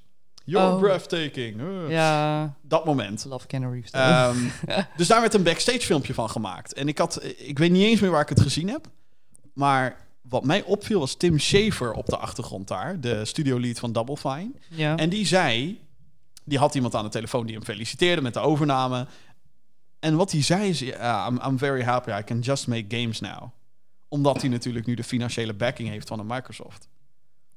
En Double Fine is altijd wel een riskante studio dat geweest. Dat is een beetje melancholisch of zo. Beetje zielig. Nou, nee, nee juist, juist heel erg blij. Zo Nee, maar ik bedoel zielig in de vorm van dat je dan al die tijd eigenlijk niet echt hebt kunnen doen wat je wilde. En dat je nu omdat pas... je financieel, ja, Ja. Psychonauts 2 is, was al gecrowdfund en zo. Ja. En ik denk ook zeker met nog wat extra steun van Microsoft dat dat er eindelijk doorheen is gekomen. Ja, maar daarom Dus- zeg ik ook van bijvoorbeeld, Ja. stel iemand zou ons benaderen en zeggen, we willen met jullie een project doen. Ah ja, ja dan, en dan, dan, ja. eh, weet ik veel smak geld tegenaan gooien en we gaan samen dat doen. En jullie moeten Ja. het eh, organiseren. Ja, hey, I'm all for it. Herman Fucking Huls, you better vet. grab your checkbook, because... Nee, maar eh, dat is super vet, want dan hebben wij natuurlijk ineens ook meer middelen. En dan kan je natuurlijk ook weer op een hele andere schaal dingen doen. Zou, zou je dan overwegen om, als het een samenwerkingsproject is, aan een andere IP te werken ook? Ja, tuurlijk. Ik zou, sowieso als met hebben? iemand anders zou ik eh, als wij gaan nooit met iemand in samenwerking een We Were Here titel maken. We is van ons. Dat is gewoon dat is ons Dus ding. als Joseph Ferris eh, nu langskomt, de studio-lead van... Dronken of? Volgens mij is die man altijd in een bepaalde status. De studio-lead van Haze Light, dus Takes Two en eh ja, eh, A Way Out. ja. Eh, die komt hier binnen. Oh, hi, hi, uh, people. I love your games. We want to make uh, together. Ja, ik denk dat We ik eerder een borrel met hem ga drinken dan dat, ik een game met hem start. uh, uh, sowieso. Als dat ooit zou gebeuren, moet je mij bellen. Want dan neem ik dit audiosetje mee. Wordt de meest briljante podcast ooit. Maar ehm, dat, dat zou niet... Gewoon We Were Here is Total Mayhem Games. En echt Nee, maar, ik, maar je kan wel een, ander, een, ander con, een andere co-op game maken. Maar gewoon letterlijk de We Were Here serie. Mhm. Gewoon in deze vorm die wij nu kennen. Mhm. Dat is gewoon van Total Mayhem Games. Ja. En dat willen we nooit aan een ander... Dat, maar eh, bedoel, net zoals Hazelight, zij maken verschillende co-op IP's. Ja, wij hopen natuurlijk ook ooit in de toekomst... eh, Ook een, wij, wij zijn tot nu toe alleen maar een co-op studio. We hebben nog nooit iets anders gemaakt. Nee. Ja, Bad ook tot Company. Ja. Nee, maar we hebben nog nooit iets anders gemaakt dan een co-op ding. En wij, hebben hier, we halen hier ook heel veel plezier uit om dit te maken. Dus ja, voor ons is er geen reden om iets anders te gaan doen. Want wij hebben nog zo onwijs veel ideeën en concepten op de plank liggen... waar we ooit misschien in de toekomst iets mee zouden kunnen doen. Dus ja. ja, Want ehm, ik bedoel, in, in de hele tijdlijn van het gesprek zijn we... In, we zitten inmiddels een beetje in, in toekomstpraat natuurlijk. ja, Ehm Now We Were Here Too kwam We Were Here Together. Ook die is op PC, PlayStation en Xbox. Ja. Ehm, dat, dat is het project waar ik dan het meest betrokken bij ben Ja. geweest. Dus daar heb ik inmiddels nostalgische gevoelens bij. Omdat dat ook een beetje... eh, nou ja, dat, ik, ik voelde me heel erg betrokken bij, bij, bij jullie ook. Eh, hè, toch, toch het... het, het eh, het voelt als een soort van band. Ja, zo van, hé, hey, we maken Ja, met z'n allen maken ja. iets tofs. En eh, ja maar het heeft we, ook wel... we hebben een, eh, zoals een band een geluid heeft, heb- sa- hebben ja. jullie een formule die heel erg werkt. Oh, ik vind het echt een hele goede vergelijking. Een soort van, dat deze studio is ook net een, soort van een band. Ja, en dan ga je naar album 3, dus dan weet je, oh ja, nu, nu is Ja, het ja, ja. serious shit. Ehm, De Midlife Crisis album. ja, nou, nou ja, ik, ik, ik, kan me wel, ik kan me wel.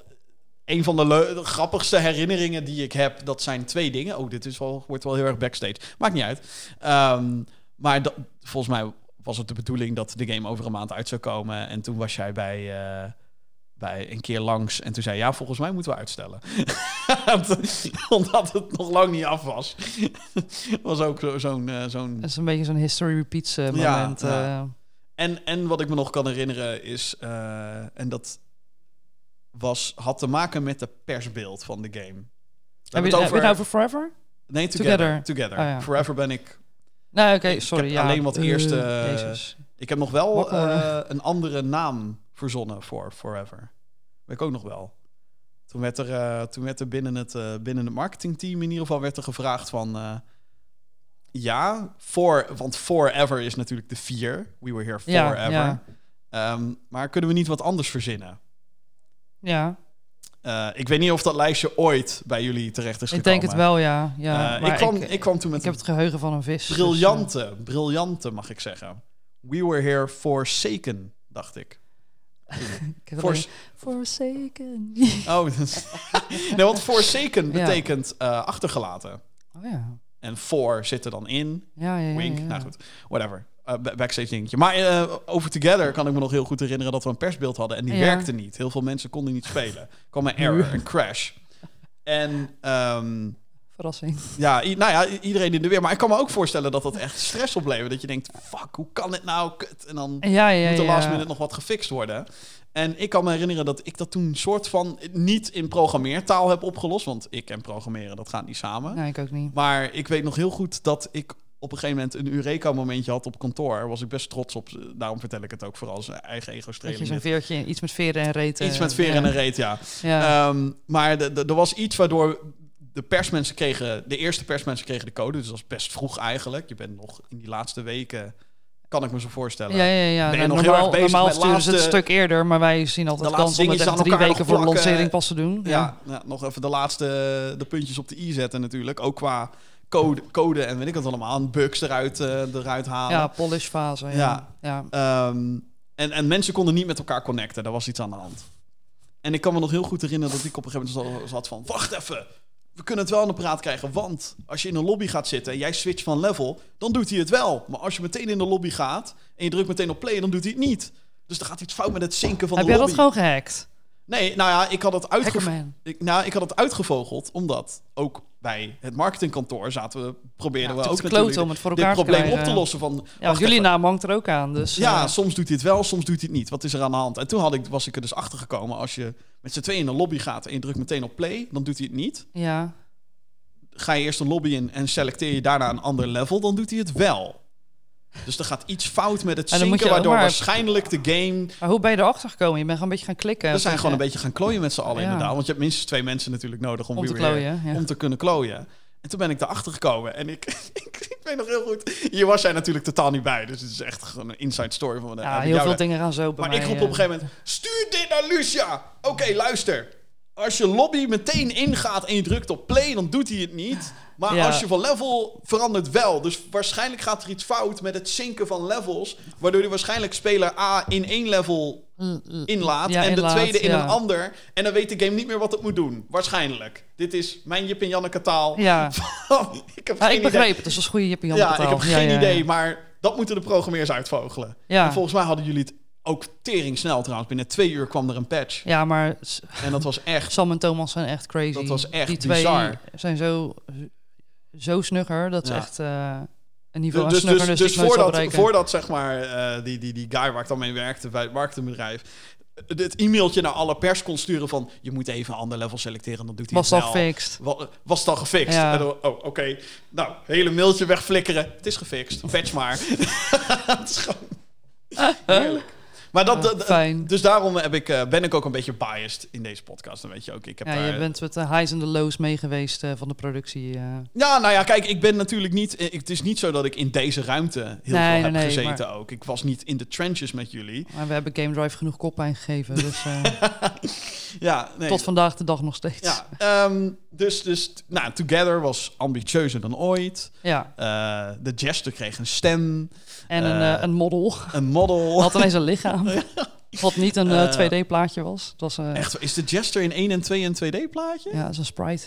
Echt waar? Ja, of twee weet ik niet helemaal zeker. Eén sowieso wel, dat was een Oh, sprite. wauw. Ja, volgens mij twee ook hoor. Ah, weet niet. Oké, door Volgens mij was 2 wel hetzelfde, dat silhouet met die glit, glinsterogen. Ja, er was alweer een klein stukje meer geëvolueerd. Het had Oh, alweer iets oké. meer shape. Oh ja. Maar het mag geen naam hebben.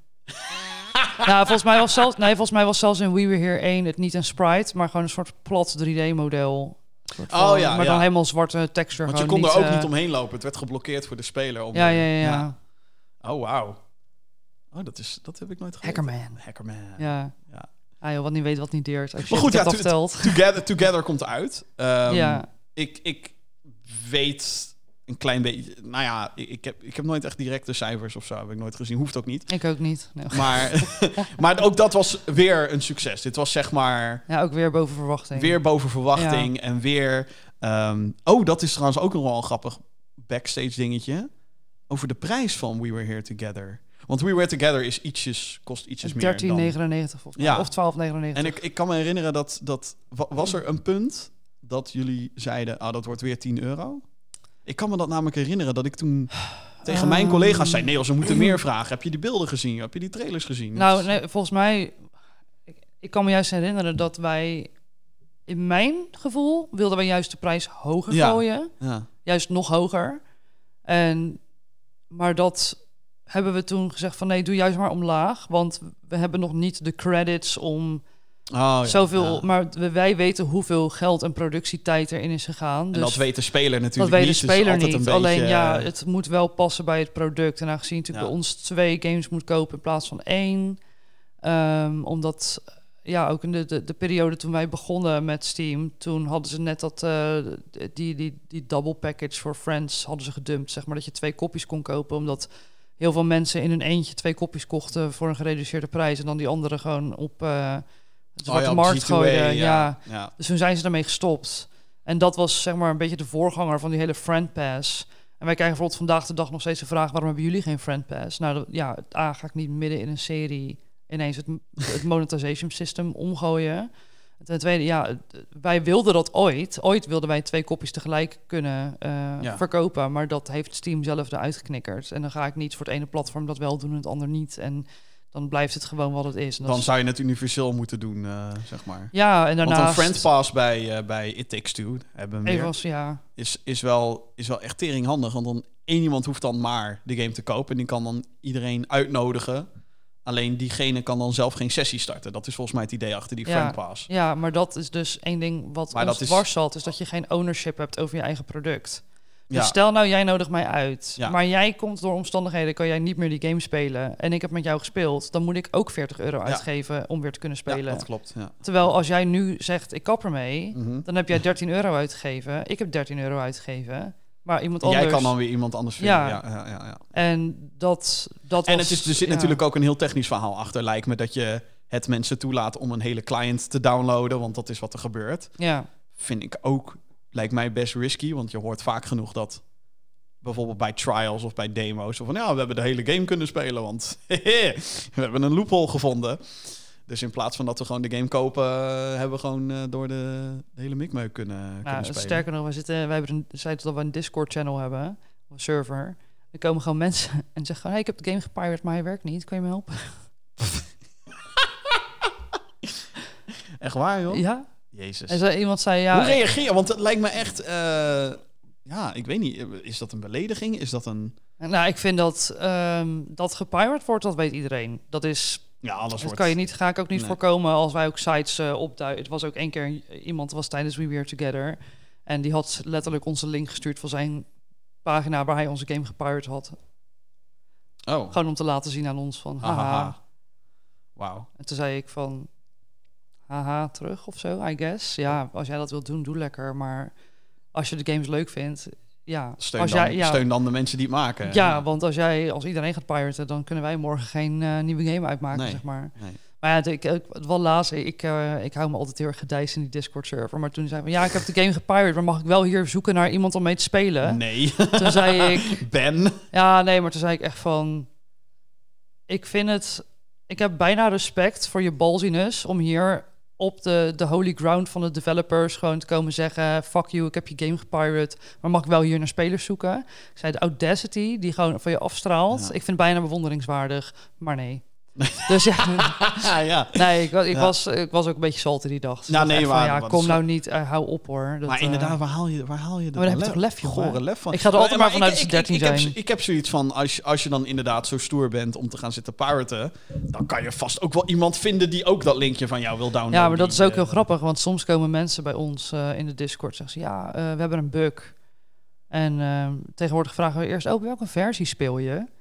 En als ze dan een Ah. versie eh, X zeggen, dan kunnen wij zien dat die verouderd is. Dus dan zeggen we, oh, die Ah, moet ja. gewoon even updaten. Heb je er wel eens over nagedacht in, in dat kader om zelf een pirated versie op een torrentsite ergens neer te zetten? Wat Ook wel eens Taylor gedaan is- Swift met de porno-site, eh, zeg maar. Nou ja, dat, eh, er, was een, er zijn een paar briljante voorbeelden van developers die er of iets hebben ingestopt dat als er ergens iets veranderd is, dat, dat dan X gebeurt. Bij Batman Arkham Asylum, geloof ik, doet de glide-functie het niet.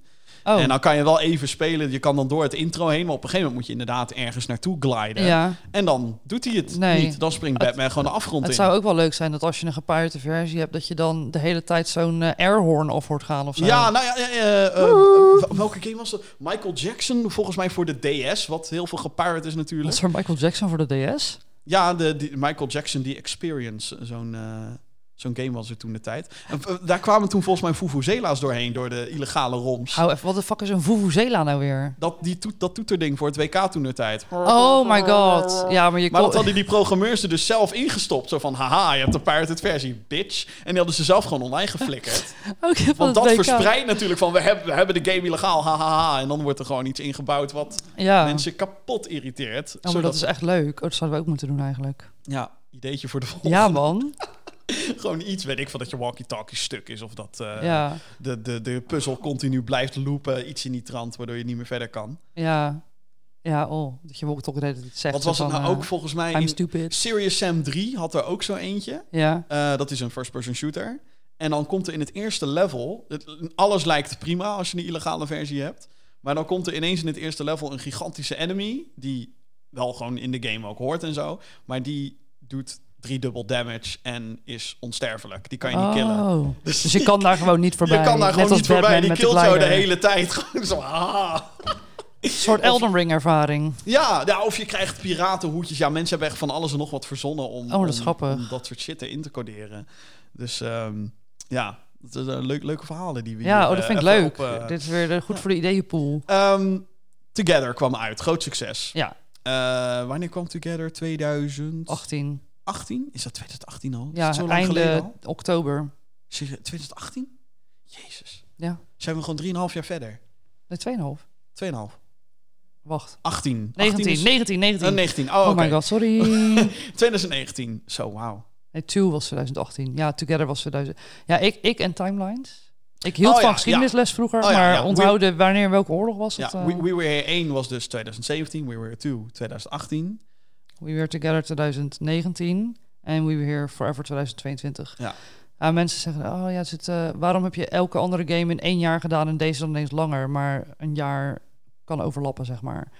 Wat, Together was pas eind 2019, in Ja. oktober. Dat is echt anderhalf jaar, zeg maar. Ja, dus dat is niet maar één jaar. Dat is echt dikke anderhalf jaar. Want We Were Here 2 was weer in februari 2018. Mhm. Dus mensen kijken het alleen maar naar het jaartal, maar niet naar de maanden. Nee, maar- precies. Nee, dus nee. de development is nu van 18 maanden naar 28 maanden gegaan. toch best een flinke eh, upgrade Ja, qua aantal maanden. Heeft dat ook met COVID te maken gehad? ja. helaas wel. Ja. Mijn grote vriendin. Ja, Corrie. ja Aunt Rona, Miss Rona. Ja, want we, we- we merken natuurlijk eh, industry-wise nog steeds de gevolgen van corones. Het gaat voorlopig gewoon niet weg. Als je de denkt, oh, ja, ko- ko- komt deze game nog uit dit jaar? Nee. Als er nog geen datum is, zou ik ervan Nee. uitgaan dat... Ik bedoel, de, de grootste projecten natuurlijk die nog steeds worden uitgesteld. Starfield onlangs nog, eh, moest eind dit jaar komen. De nieuwe game van Bethesda wordt 2023. Wanneer komt Bioshock 4? Ja, dat... oef. Ja, nou, maar nog steeds onduidelijkheid over bijvoorbeeld een God of War... of Oh ja. bijvoorbeeld eh, Hogwarts Legacy is nog steeds geen datum. Wel 2022, blijven ze volhouden, maar... En dat deden Hm? wij ook.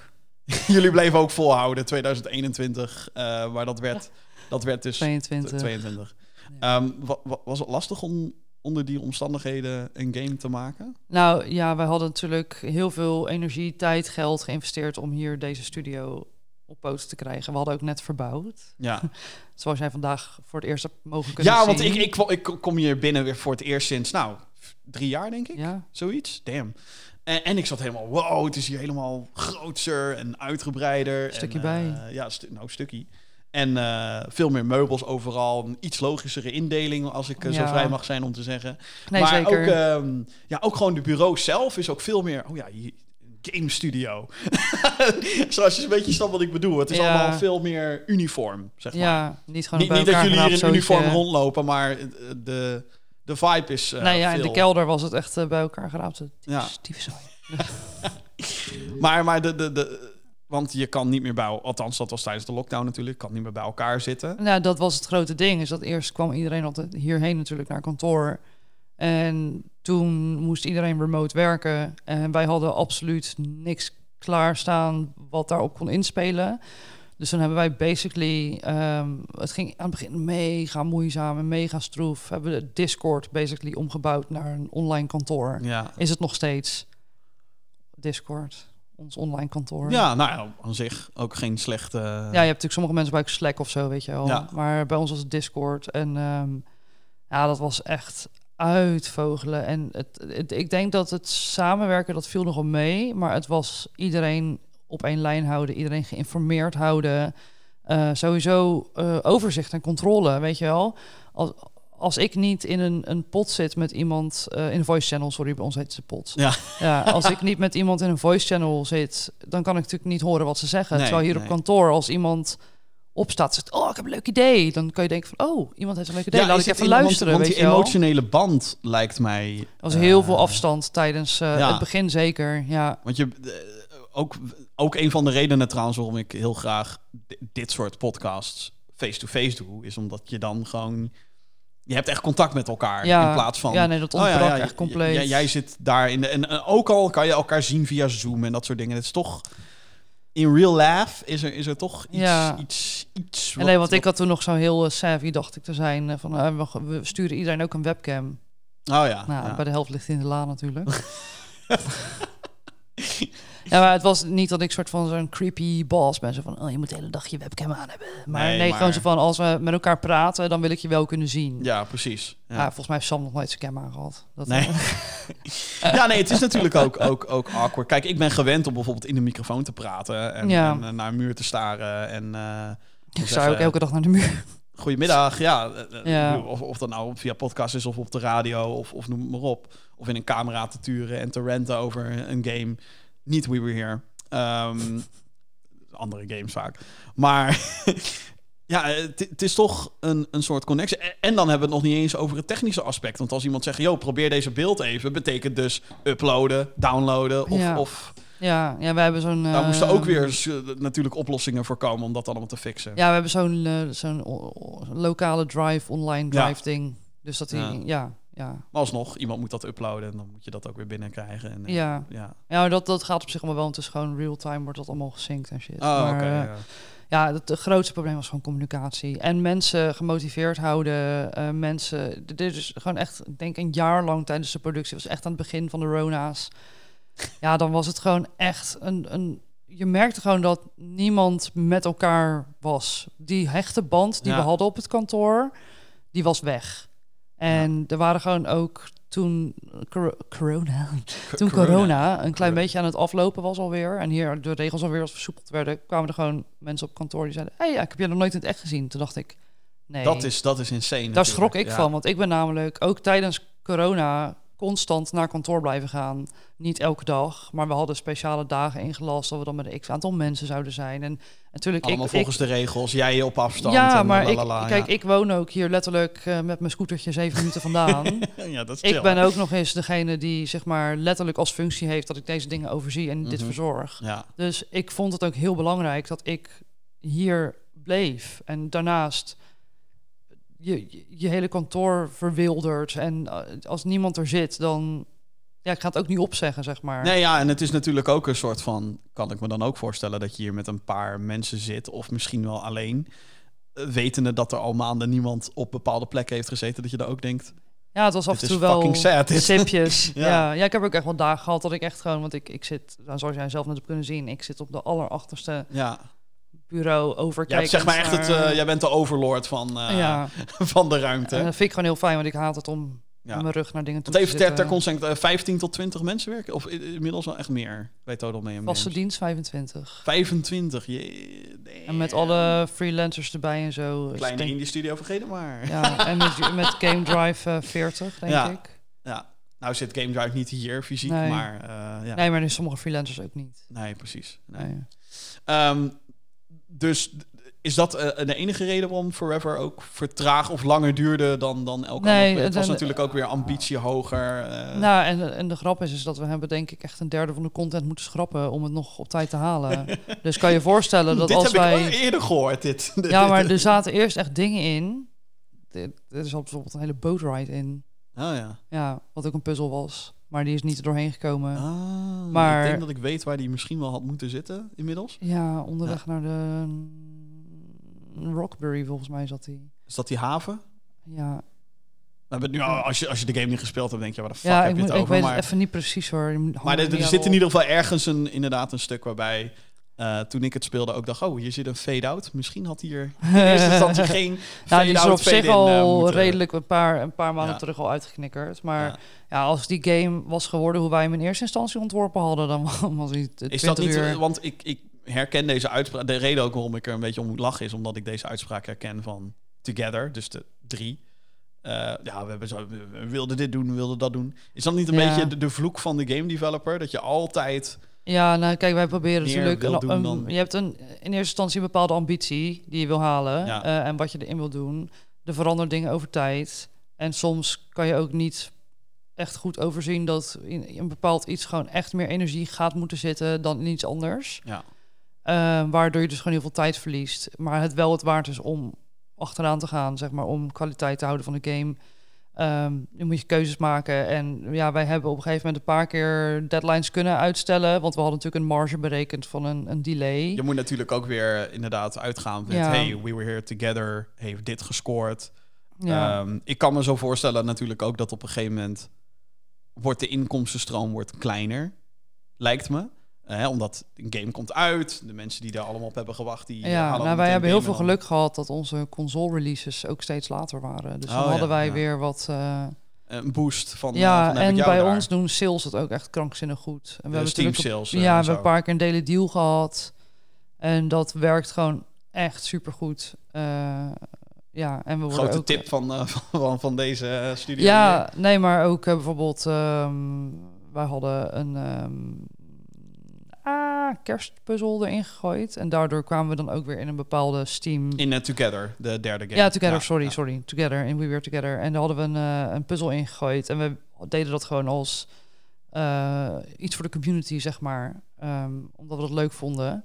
Ja. En toen bleek het dat we daardoor dus in een bepaalde lijst konden zitten van een soort van Christmas DLC troep op Steam. en toen was het zo, oké, cool. En dan kom je ineens ook weer in zo'n soort van ehm, zo'n widget dat je eh, op de frontpage staat en zo. Ja, het is heel grappig hoe dat werkt. Want ik heb eh, van, van ook met mensen die dan op de Gamer Geeks Discord bijvoorbeeld zitten. Die zitten dan van, ah, weer zo'n Steam gimmick, bla bla bla. Maar Het helpt heel erg. het helpt ontzettend erg, hè? Die, die, die sales ook. En Zeker omdat We Were Ja. Here, als je bijvoorbeeld eh, de tweede in de aanbieding doet, inderdaad, We Were Here 2. Dus van, Ja. hey, vond je dit leuk? dan is er nog een is Together. er is nu een Together en er is nu inmiddels een Forever. En er is een... eh, Ja. Ja, we zagen ook bijvoorbeeld natuurlijk voordat Forever uitkwam, hebben wij de drie games ervoor, of twee, maar voor eh, PlayStation zo dan drie. Eh, de serie. de serie, ja. Ja. eh, of de bundel en de serie in de sale gegooid. En je ziet dan echt dat er gewoon kapot veel wishlisters nog last moment dan denken van, oh, komt uit. Vooral die ik wishlist, wil- hè? Vooral die wishlist is super. eh, eh, eh, Ja. Ik weet dat heel veel mensen zich vaak afvragen. Ik weet het inmiddels, omdat hè, marketing heb ik ook in gewerkt. Maar heel veel mensen vragen zich af: ja, dat wishlisten, wat heeft dat nou voor zin? Maar dat heeft dus Heel echt veel. tyfus veel zin. Omdat je- ik merk het nu zelf ook. Ik heb ook nu een Steam wishlist van 73 games. Ja. 73. En je maar het zijn wel keer oprecht. notificatie. En ja, je, je, het is iets waar jij in geïnteresseerd bent. Dus je krijgt ook dingen in jouw widgets die voor jou interessant zijn. Ja. En wij hebben ook bijvoorbeeld... Tuurlijk wil je iemand van interesse converten naar eh, een sale. Ja, Maar wij hebben ook echt wel intern... denken wij erover na van... hoe kunnen we een, een, een newbie zeg maar introduceren met de games... dat hij de game gaat wishlisten. ja.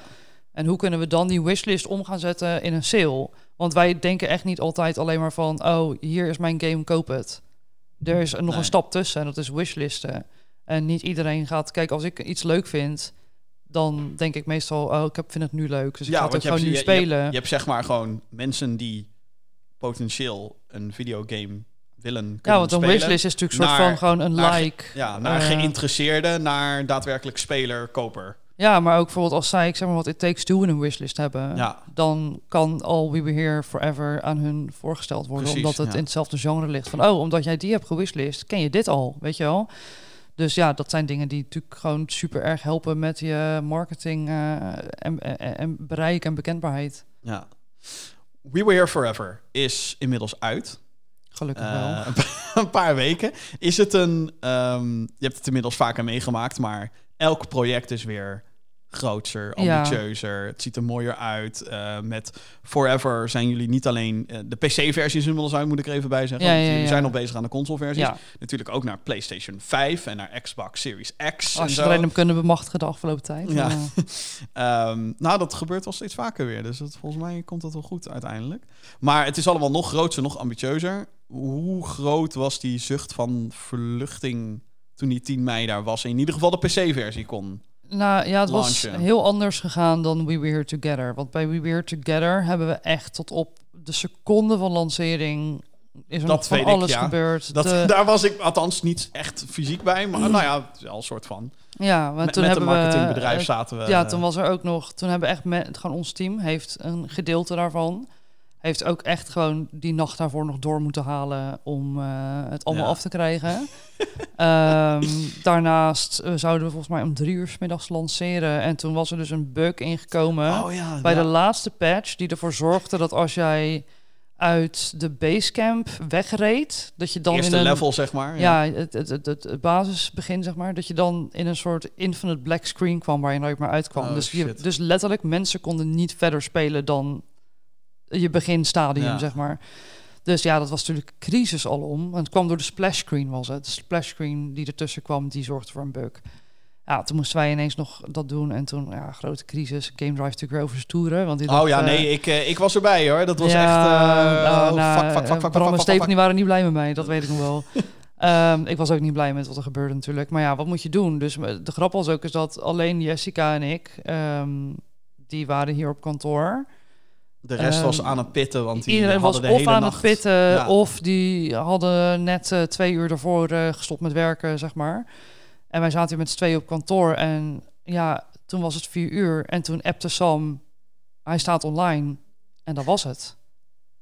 Ja, Geen viering, geen feestje, geen... dat kwam Het later. was, er, het was er gewoon. Ja. Het was er. En nu met We Were Forever, toen hebben we echt gewoon gezegd... op de dag van de lancering, Moet iedereen hier zijn. gewoon En, je eh, bent er. Maar toen heeft ook... Ook eh, omdat het weer kan natuurlijk, na ja. de Ronies.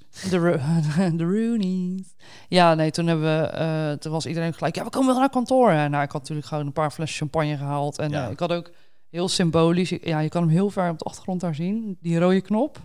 Oh ja, ja, daar staat een rode knopje op de ja, kast. Ja, nou, die ja, gaat natuurlijk helemaal nergens heen, die knop. Dat is gewoon een Maar losse... het was gewoon, jij, gewoon jij, drukt, jij drukt, dan doe ik... eh, ja, ja. het, het, het, was heel grappig, want wij waren hier de hele ochtend met iedereen. Iedereen had elkaar, sommige mensen elkaar voor het eerst weer gezien in tijden. En ehm, toen had ik van, ja, ik heb de rode knop, ik heb de rode knop. En ik was toen op een gegeven moment, ongeveer een half uur voor de lancering, was ook iedereen een beetje bij elkaar aan het verzamelen. Van, ja, kom naar de meeting room, dan gaan we daar met z'n allen omheen staan. En echt ik- twee keer knipperen, het was ineens twee minuten voor de lancering. Maar wat niemand wist, was dat de game al meer dan een kwartier gelanceerd was. Maar- jij, nou, daar gaat hij hoor. Ja, maar dus ik dacht, want ik wilde zeg maar iedereen een beetje het idee geven dat echt soort van er op die knop gedrukt kon worden. Ja, ja. Dus ik zet die knop neer, maar toen was het op een gegeven moment ineens doet iedereen 10, 9, 8. En ik zo, shit, ik stond nog ergens anders, weet je. Want Ja. ik was nog dingen aan het organiseren. Ik zo, fuck, en ik rende naartoe en half was iemand nog net aan het filmen. En ik drukte alleen maar op die knop. En toen wat dacht Chris, oh, ik druk er ook op, druk scheef, slaat op de tafel, daarna toch op die knop. En toen, toen was het ineens gebeurd en champagne en... Toen was het zo van, oh shit, ik heb weer niet goed gepland. Want we- ik, ik was er voor de helft maar bij, zeg Ja, maar. Ik was ja, heel ja. snel ervoor gedoken. En uh, En, to- en toch lijkt me dat een zenuwslopend iets dat je een game live zet. ja, Dat je gewoon weet, dit wordt... eh, heel vaak wordt er eh, in de huidige industrie... We hebben, ja, nee, maar we hebben early access, we hebben beta's... wat eigenlijk gewoon multiplayer demo's zijn voor de, ja, voor de grote jongens in onze industrie. Ehm, en ik, ik word best wel vaak, als ik een, zeker als ik een kritische review maak of een kritische video, of ik ben in deze podcast kritisch, wat vaak genoeg gebeurt. Ehm, en terecht, wat mij betreft. De, ehm, wordt er altijd wel gezegd, maar met Jim, ze kunnen het patchen en ze kunnen het true. Hè, En Call of Duty was bij launch kut. Dames en heren, Vanguard is nog steeds kut. Uh, maar ja, het, het is wel, het een en ander is natuurlijk wel verbeterd. Maar het gaat natuurlijk om die eerste indruk. ja. En als ja, die eerste indruk, eh, dat, dat lijkt me echt zenuwslo. Vooral omdat je weet, de hele studio hangt hier vanaf. Ja. Jouw toekomst hangt hier vanaf. Ja, wij wisten dan- zelfs dat bij de pressbeeld van Forever, die er nu uit is gegaan, dat daar ook nog bugs in zaten. zaten, zaten. Dat daar nog bugs in zaten. Ja. Maar ja, als je die Eh, bekend maakt, dan is daar toch niet ja, heel veel aan de hand, toch? Als nee, je nee, al nee, een lijstje hebt met, hey, dit kan er. Nee, maar het rotte is, is dat dat is de beeld die bijvoorbeeld ook bepaalde influencers of streamers gaan oh, doen. ja, ja. en dat mogen zij soort van dan al filmen en dat whatever. En nou, dus ja, eh, is de game 100% representatief, like visueel? Ja. Maar er zitten gewoon hier en daar nog wel gewoon een bug in of iets. Ja. En ja, ik weet nog wel dat eh, wij hadden eh, mijn grote vrienden Joost en Linktijger eh ja, uit Nederland ook Ja. die pressbeeld gegeven. En ik, ik, ik, ik vind hen zo leuk al jaren. En ehm, toen op een gegeven moment zit ik hun streams te kijken, natuurlijk als brave fan. En ja, toen, toen zeiden Joost Michael van, ah, die, de ondertiteling die loopt niet goed met de tekst. Dat is wel heel moeilijk om naar te kijken. Had ik ook zo van, oh shit, ze hebben nog net die beeld. Want Ja. we hadden namelijk niet alle vertalingen binnen op tijd van onze. ehm, eh, hoe heet zo'n bedrijf die dat doet? Nou, ik ben er nou kwijt. Ondertitelaar, Oh ja, nee, dat, vertalingsbedrijf, eh, dinges. God, dat heeft een naam, maar ik ben even die naam kwijt. In ieder geval, die regelen de ondertitelingen voor je. Maar die hadden het net niet op tijd ingeleverd. Dus wij moesten de beeld eruit sturen met nog niet alle ondertitelingen, waardoor we zeg maar... Dus we hadden een fout in de Ah. timing van de ondertiteling, maar die wilden we pas fixen, zodra we in één keer al die, al die verschillende talen erin konden doen. Ja. En niet dat we nu voor twee talen dat dan moesten doen, om vervolgens dan daarna weer nog voor 23 andere talen te moeten doen. We wilden dat in één keer doen. Dus we hadden gezegd, nou ja, dat is de meest opvallende bug die er nog in zit. Een soort van, gewoon nog even een foutje, waar een flaw. Maar dat het dan natuurlijk precies ook in die stream. En ja, dan zat ik daar te kijken van, oh... En dan vooral gewoon, niet ja. proberen om Twitch-chat te lezen, want anders word je helemaal lijp, denk ik. Eh, nee, dat heb ik niet gezien. Ik heb alleen maar de, de, de, de edited video's gezien. Vat je het echt persoonlijk op als er kritiek komt op... eh, Nou, het ligt eraan wat het is. ja. Nou, heel veel dingen niet natuurlijk. Bij sommige dingen zeggen mensen ook, ja, dat is een bug. En dan was het helemaal geen bug. Oh ja, ja. Ja, dus het, het- je moet er een beetje doorheen kijken. Ik, ik, ik vind dat vooral in een puzzelgame is dat natuurlijk wel het meest lastige. Ja, ik moest je, erg lachen. Je moet heel erg zoeken naar een antwoord. En als die, Ja. dat antwoord niet voor jouw gevoel in één keer heel erg obvious is, dan... Want ik, ik weet ook, met Forever en Together heb ik dat natuurlijk ook een paar keer gehad. Dan zit je te spelen en je komt er niet uit. En dan Ja. ben je met elkaar aan het... Ja, maar is het niet gewoon een bug? En dan denk ik... Ja, maar dat is wel te makkelijk gedacht. We moeten, Ja. moeten even door. En dan, als je eenmaal echt weer even gaat nadenken... of je neemt even een stapje terug. En oké, wat is nou de situatie? En dan kom je erachter. Maar Nou, ik moet wel en zeggen dan ben dat- ik, ben ik nog een best wel ongeduldig. Durf ik wel gewoon. Ik ben best een ongeduldige gamer. Dus We Were Here zou totaal niet. zou totaal niet fijn. Maar het is dat je het met iemand anders doet, wat het dan heel Ja. leuk maakt. Ehm, dus ja, het, het is. Het is ja, ook Ja, ik daar moet zeggen, moet je de, de natuurlijk een puzzels balans. zijn bij ons altijd wel bug-free. Want dat, Ja. die gaan namelijk natuurlijk vanaf eh, het moment dat ze voor de eerste keer geïmplementeerd worden tot aan launch. Dat is de hoofdmoot van de game. Ja, ja. Het zijn juist de dingetjes eromheen die, waar bugs in zitten heel vaak. Ja. Eh, of kleine systeemdingetjes. Maar eigenlijk de puzzels zelf zijn altijd gewoon bug-free. Nou ja, precies. Ja. Want daar is ook Ja. de meeste tijd ingestoken om die bug-free Dat te is je maken. game, Dat is je game, ja. ja. En daarna als... We maken natuurlijk puzzels en levels. En soms op de ene volgorde, soms precies andersom. En eigenlijk wordt pas in het laatste stadium al- alles aan elkaar vastgelijmd. ja, lijmt. dus daar ontstaan bugs, zeg maar. Het is ook elke keer als je iets toevoegt, gaat er weer iets anders kapot. Zo Oh ja. werkt game. Althans, dat is wat ik begrijp uit game development. Oh, hij zit echt. Ja, moet even iets- checken. ja, nee. de Ja, ik, maar het komt omdat de, de mooie ding zit niet helemaal recht ervoor. En mijn OCD speelt op. En dan heb ik allemaal eh, drama. En, Geen eh, zorgen, joh. We zijn al anderhalf uur bezig, dus het gaat goed. Holy crap. ik dacht, wat heb ik een droge keel. Ja, ehm nou ja, la- la- la- ik niet per se meteen afronden. Ik wil toch nog een paar dingetjes weten. Ehm, ik was bij de launch party van Forever. Woehoe. We Were Forever. Was te gek feestje trouwens. Ehm, Thanks. Ik, eh, Nogmaals, feestjes waren wel mijn specialty. Ja, ja, eh, ja. Nou, nou ja, eh, ik- het voelde ook een beetje als... eh, het was ook voor mij de eerste... eh, daarvoor de Indie Game Showcase hebben we ja. gedaan. Althans, hebben jullie ook gedaan. Heb ik ook met Gaming Geeks hebben we daar een video gemaakt. Dat was voor ons weer Ja. een beetje de eerste keer dat we de deur Ja, voor buiten ons de deur Voor ons waren. ook. Was het eerste evenement weer in like twee jaar. games. Eh, de We Were Forever launch party was dus het eerste soort van launch game gerelateerd feestje wat ik weer had. Feestje. Ja, het was nog een beetje onze redemption voor Ja. We Were Together, zeg maar. Nou, was toch ook best gezellig toen. Hadden we toen een feestje? Ja, hier. In dit kantoor. Oh ja. Maar dat was echt Jezus. alleen vrienden en familie, geloof ik. Ja, maar- ja. Ik voelde me gevleid.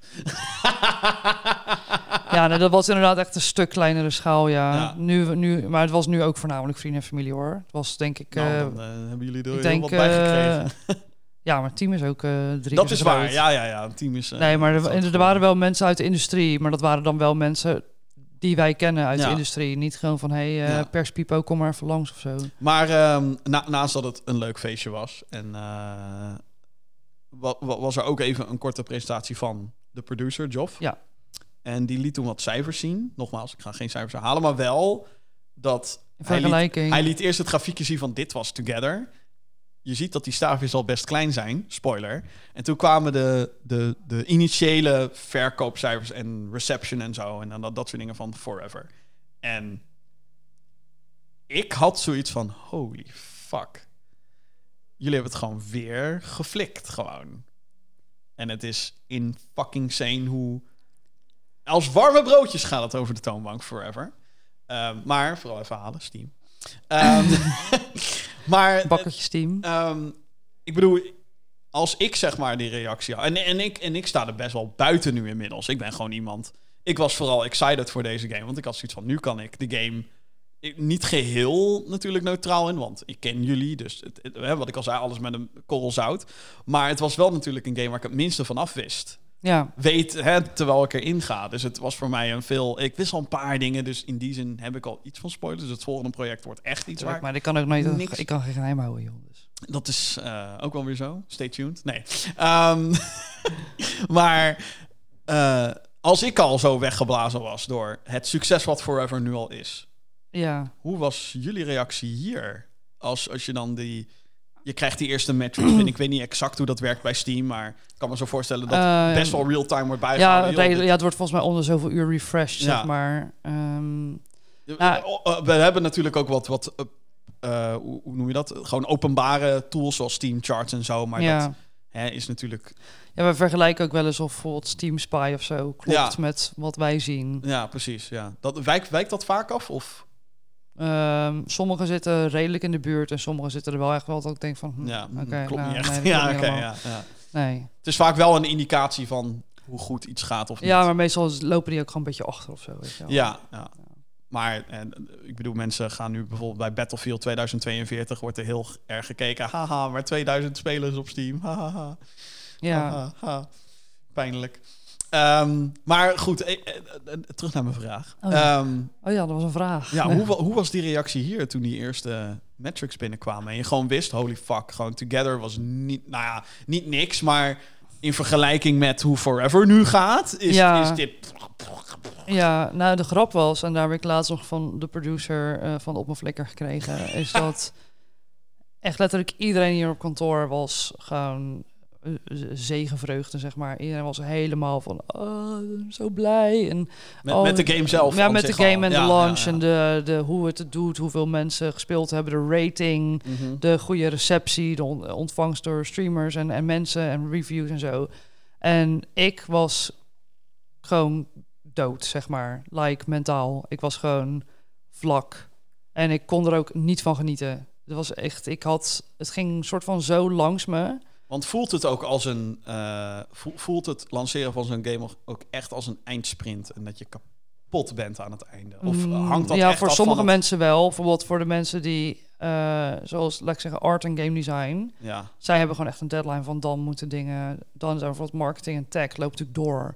Ja. Dus ja. voor ons is dat ook minder, zeg maar, echt een streepje die in het zand staat van oké, tot hier. Together was overduidelijk de derde, dus was overduidelijk een Ja. eindsprint, omdat we het net hadden over tot s'nachts doorgewerkt. Ja, bijvoorbeeld voor ons, en ons bedoel ik ook marketing, want ik doe natuurlijk ook een heel groot stuk Mhm, marketing nog steeds. Ehm, ja, dan begint eigenlijk pas het harde werk. Want dan moet je, eh, nou niet dat harde werk ervoor niet is, maar ik bedoel, dan moet je echt, dan kan je niet meer plannen. Dan moet je gewoon online moet- zijn. ja, dan, moet je gewoon ja. mensen helpen, behandelen, eh, onder, onderzoek doen. Oh ja, ja, ja. ja, dan, dan, dan moet je gewoon support zijn ook. Dus dan eigenlijk voor ons kwam toen de crunch tijd. En dan komt natuurlijk ook de stress van...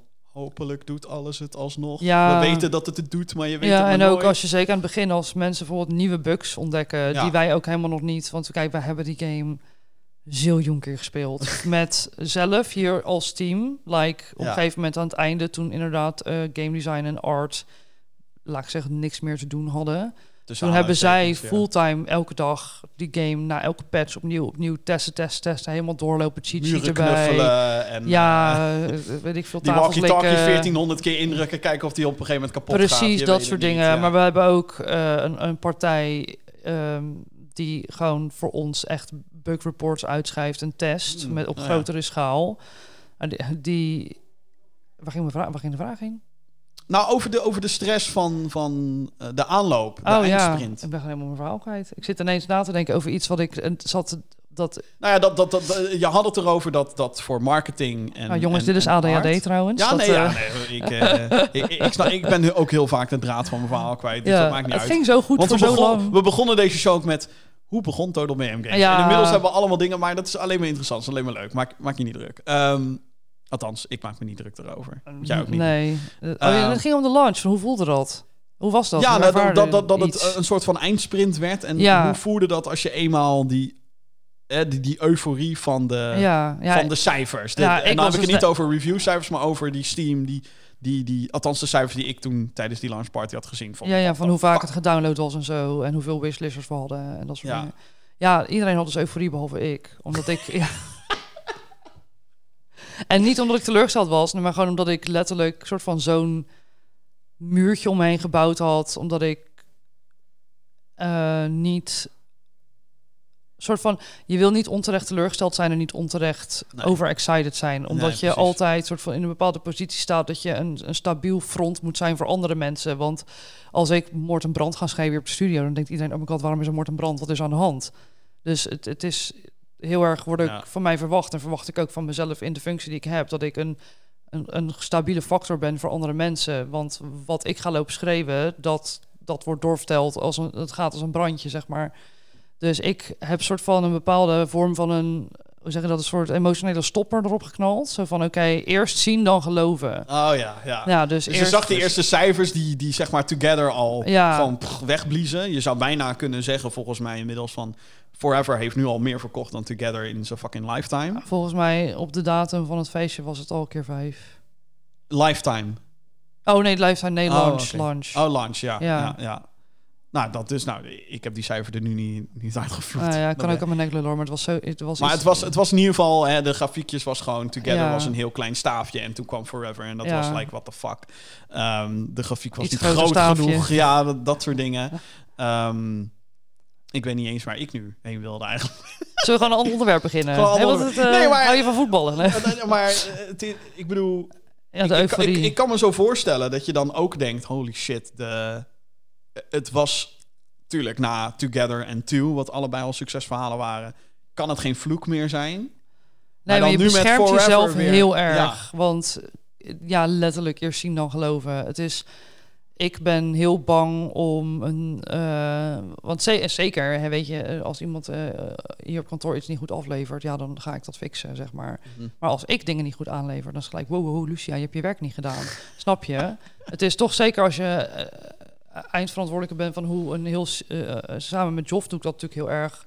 eh, hoe zo'n heel proces eh, in zijn gang gaat, dan ja, ben jij de enige waar de vinger naar gewezen kan worden, zeg Ja. maar. Dus eh, voor mij is het heel erg van, ik wil eerst echt weten dat ik in een soort van veilige situatie zit, dat ik bepaalde statements kan maken, Ja. voordat ik al blij rond ga huppelen en zeggen, oh my god, kijk naar ons waanzinnige succes of zo, weet je wel. Want ik wil eerst weten, Gaat, eh, gaat Forever al richting de miljoen miljoen wat. verkochte exemplaren? Ja, v- of zo, jezus. Ik kan je eerlijk zeggen, ik, ja, oh, dat is echt... Je- je weet ja, ik of all people zou dit moeten weten. Nou, ik ga zo even Oh. beantwoorden. Ik ga even voor de grap gaan kijken. Oh, oké. Als het me lukt op mijn telefoon. Ik krijg gewoon in deze code podcast. Ik vond het best een gewaagde vraag Ja, eigenlijk. is ook... eh, Is gewaar- ook. Mag ook eigenlijk helemaal niet. Ja, maar er is natuurlijk een verschil Nee. van wat je omzet en wat je... Dat is waar. ehm, Oh ja, want op Steam, ja, je krijgt echt allerlei gekke cijfertjes op je af. Althans, wel Ja. belangrijke cijfers waar iemand die per se speelt dan minder, een gro- minder grote boodschap aan heeft. Maar ik kan me, ik kan me wel voorstellen dat je dan eh, bij, bij het zien van die cijfers ook wel denkt, oh, gelukkig.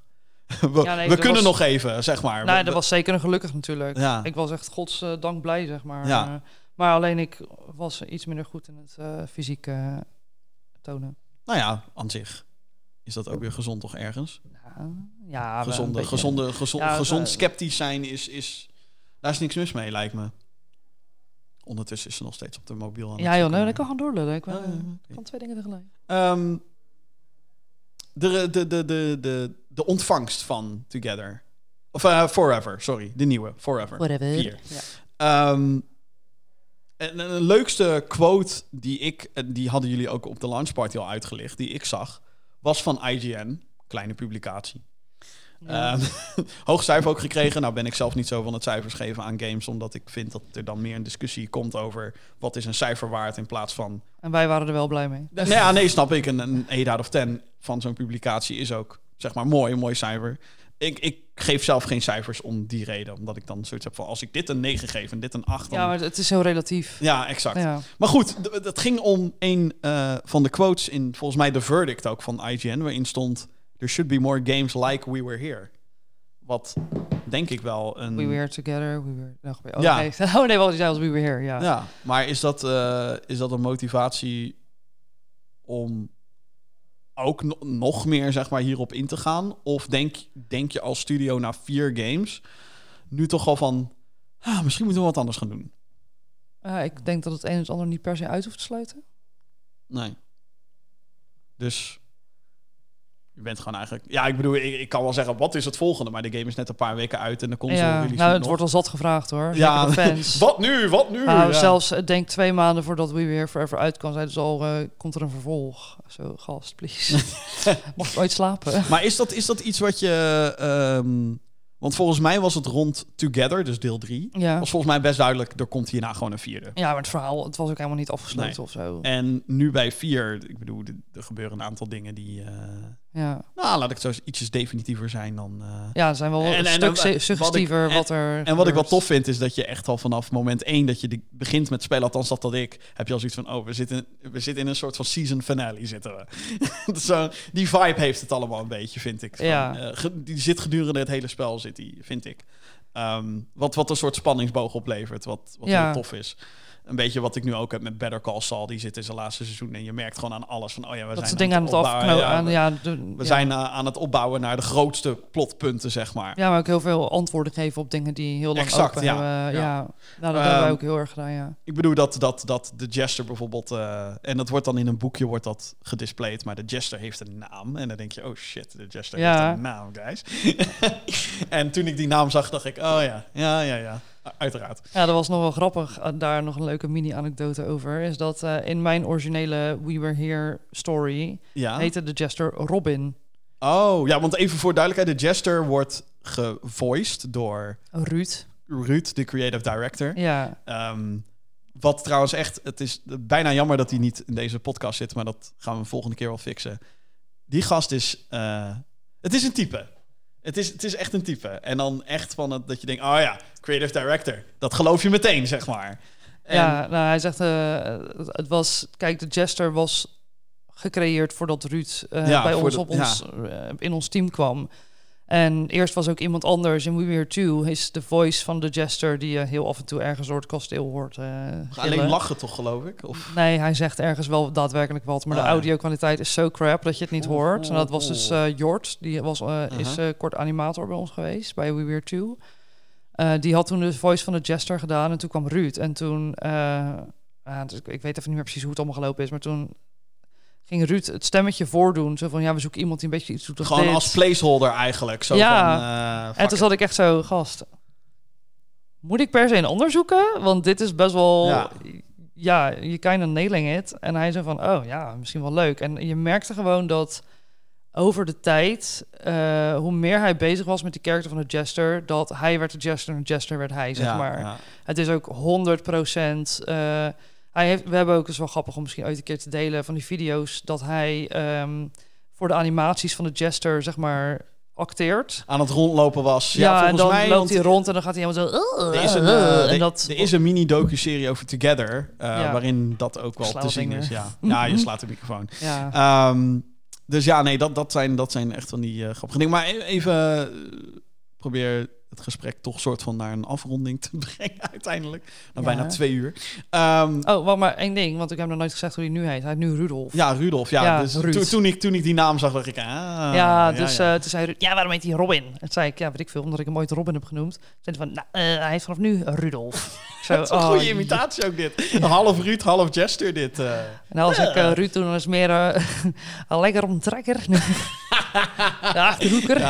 Ja, nee, het is echt Nee. ge- geweldige gast. Is, Dus ik zei ook Ruud. gast, oh, Ja. nou oké, is goed. ja. Ehm, mochten jullie trouwens ooit nog voice actors zoeken, ik... eh, ja, ik heb het zelf ook geprobeerd en ik ben overal uitgeknipt. Oh, god. Ja, heel sip. Echt waar? Ja, je hoorde eigenlijk mij in de graveyard.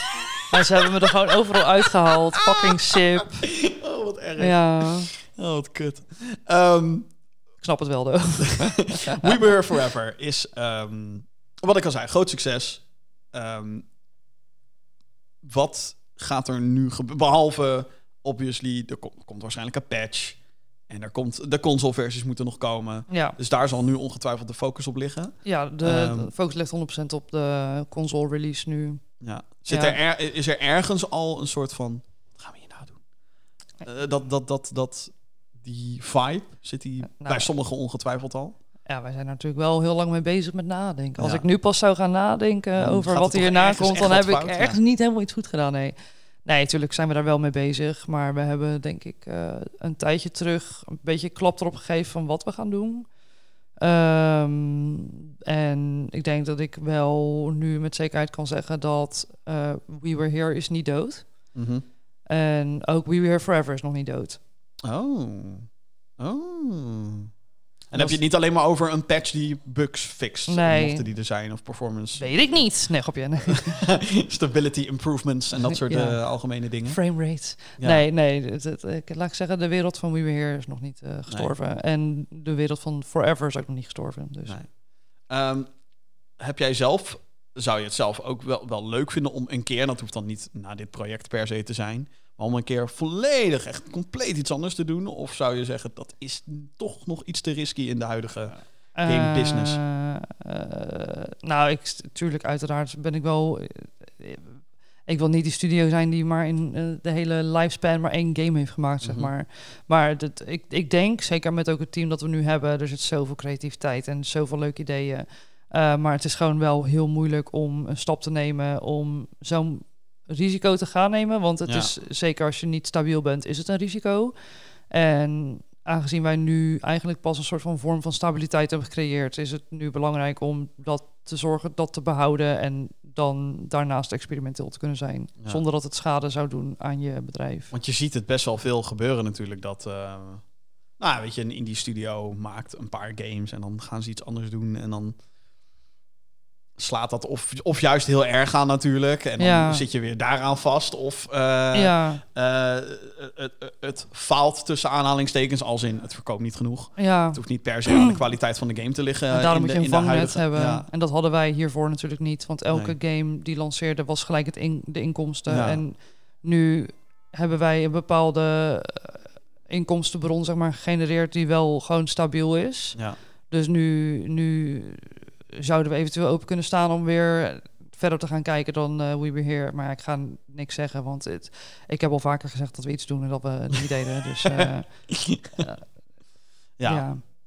Er zit heel veel planning in, maar er zit ook gewoon echt nog heel veel eh, improvisatie en creativiteit bij. Maar zal, zal het altijd die kern blijven behouden van co-op en... nou, ik hoop het stiekem wel, want ik, ik vind, ik, ik hou altijd wel van studio's die zeg maar gewoon goed zijn in iets. Mhm. En dan eh, verschillende dingen doen. Ik vind, dat, ik vind het zelf ook heel tricky, want als ik morgen...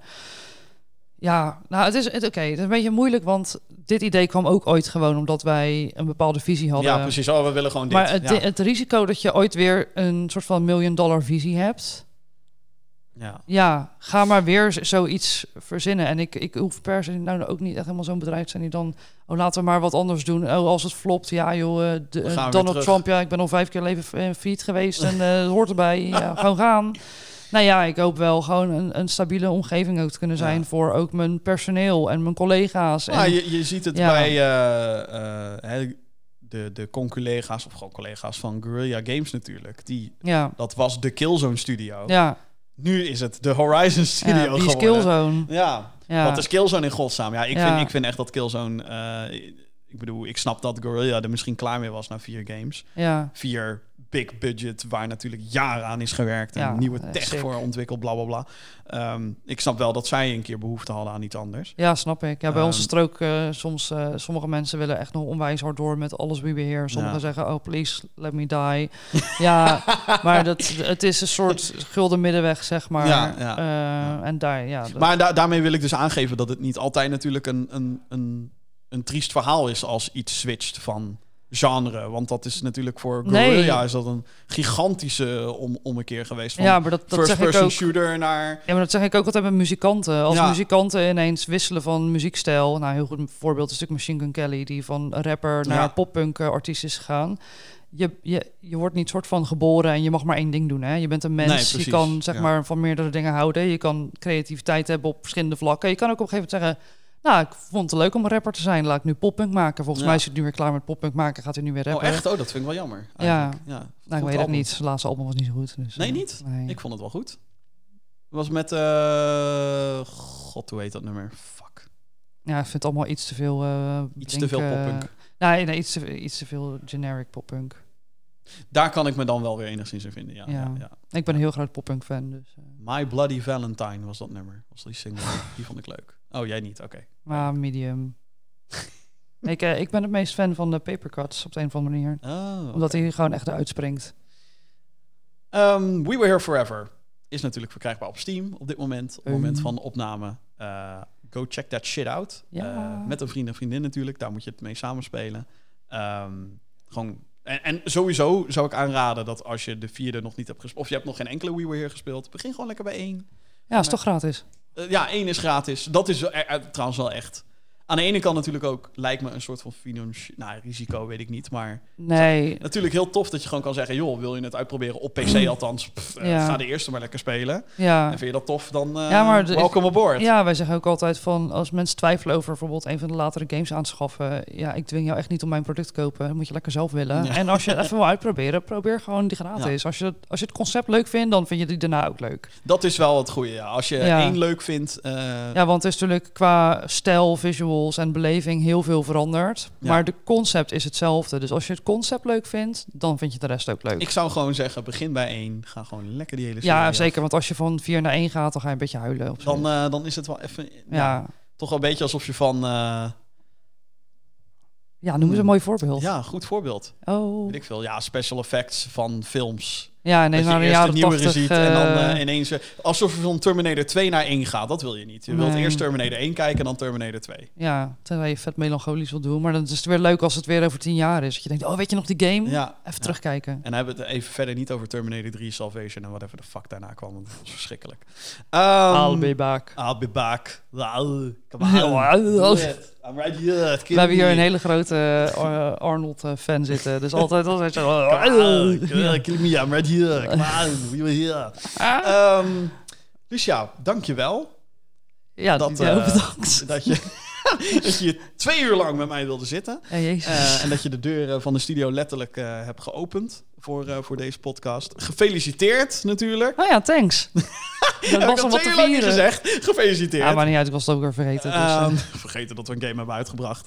Wat ik al zei, We Were Here Forever. Ga die shit checken op Steam. Ehm, geen mailtjes dus deze week in de show, want ik wil het eigenlijk gewoon met jou hebben over Totem Games. Eh, die behandel ik de volgende keer weer. Podcast.gamegeeks.nl als je vragen hebt voor, eh, voor deze show. Je kan natuurlijk abonneren op deze show via je favoriete podcast-app... zoals Spotify, eh, Apple Podcast... of waar je ook maar naar podcast kan luisteren.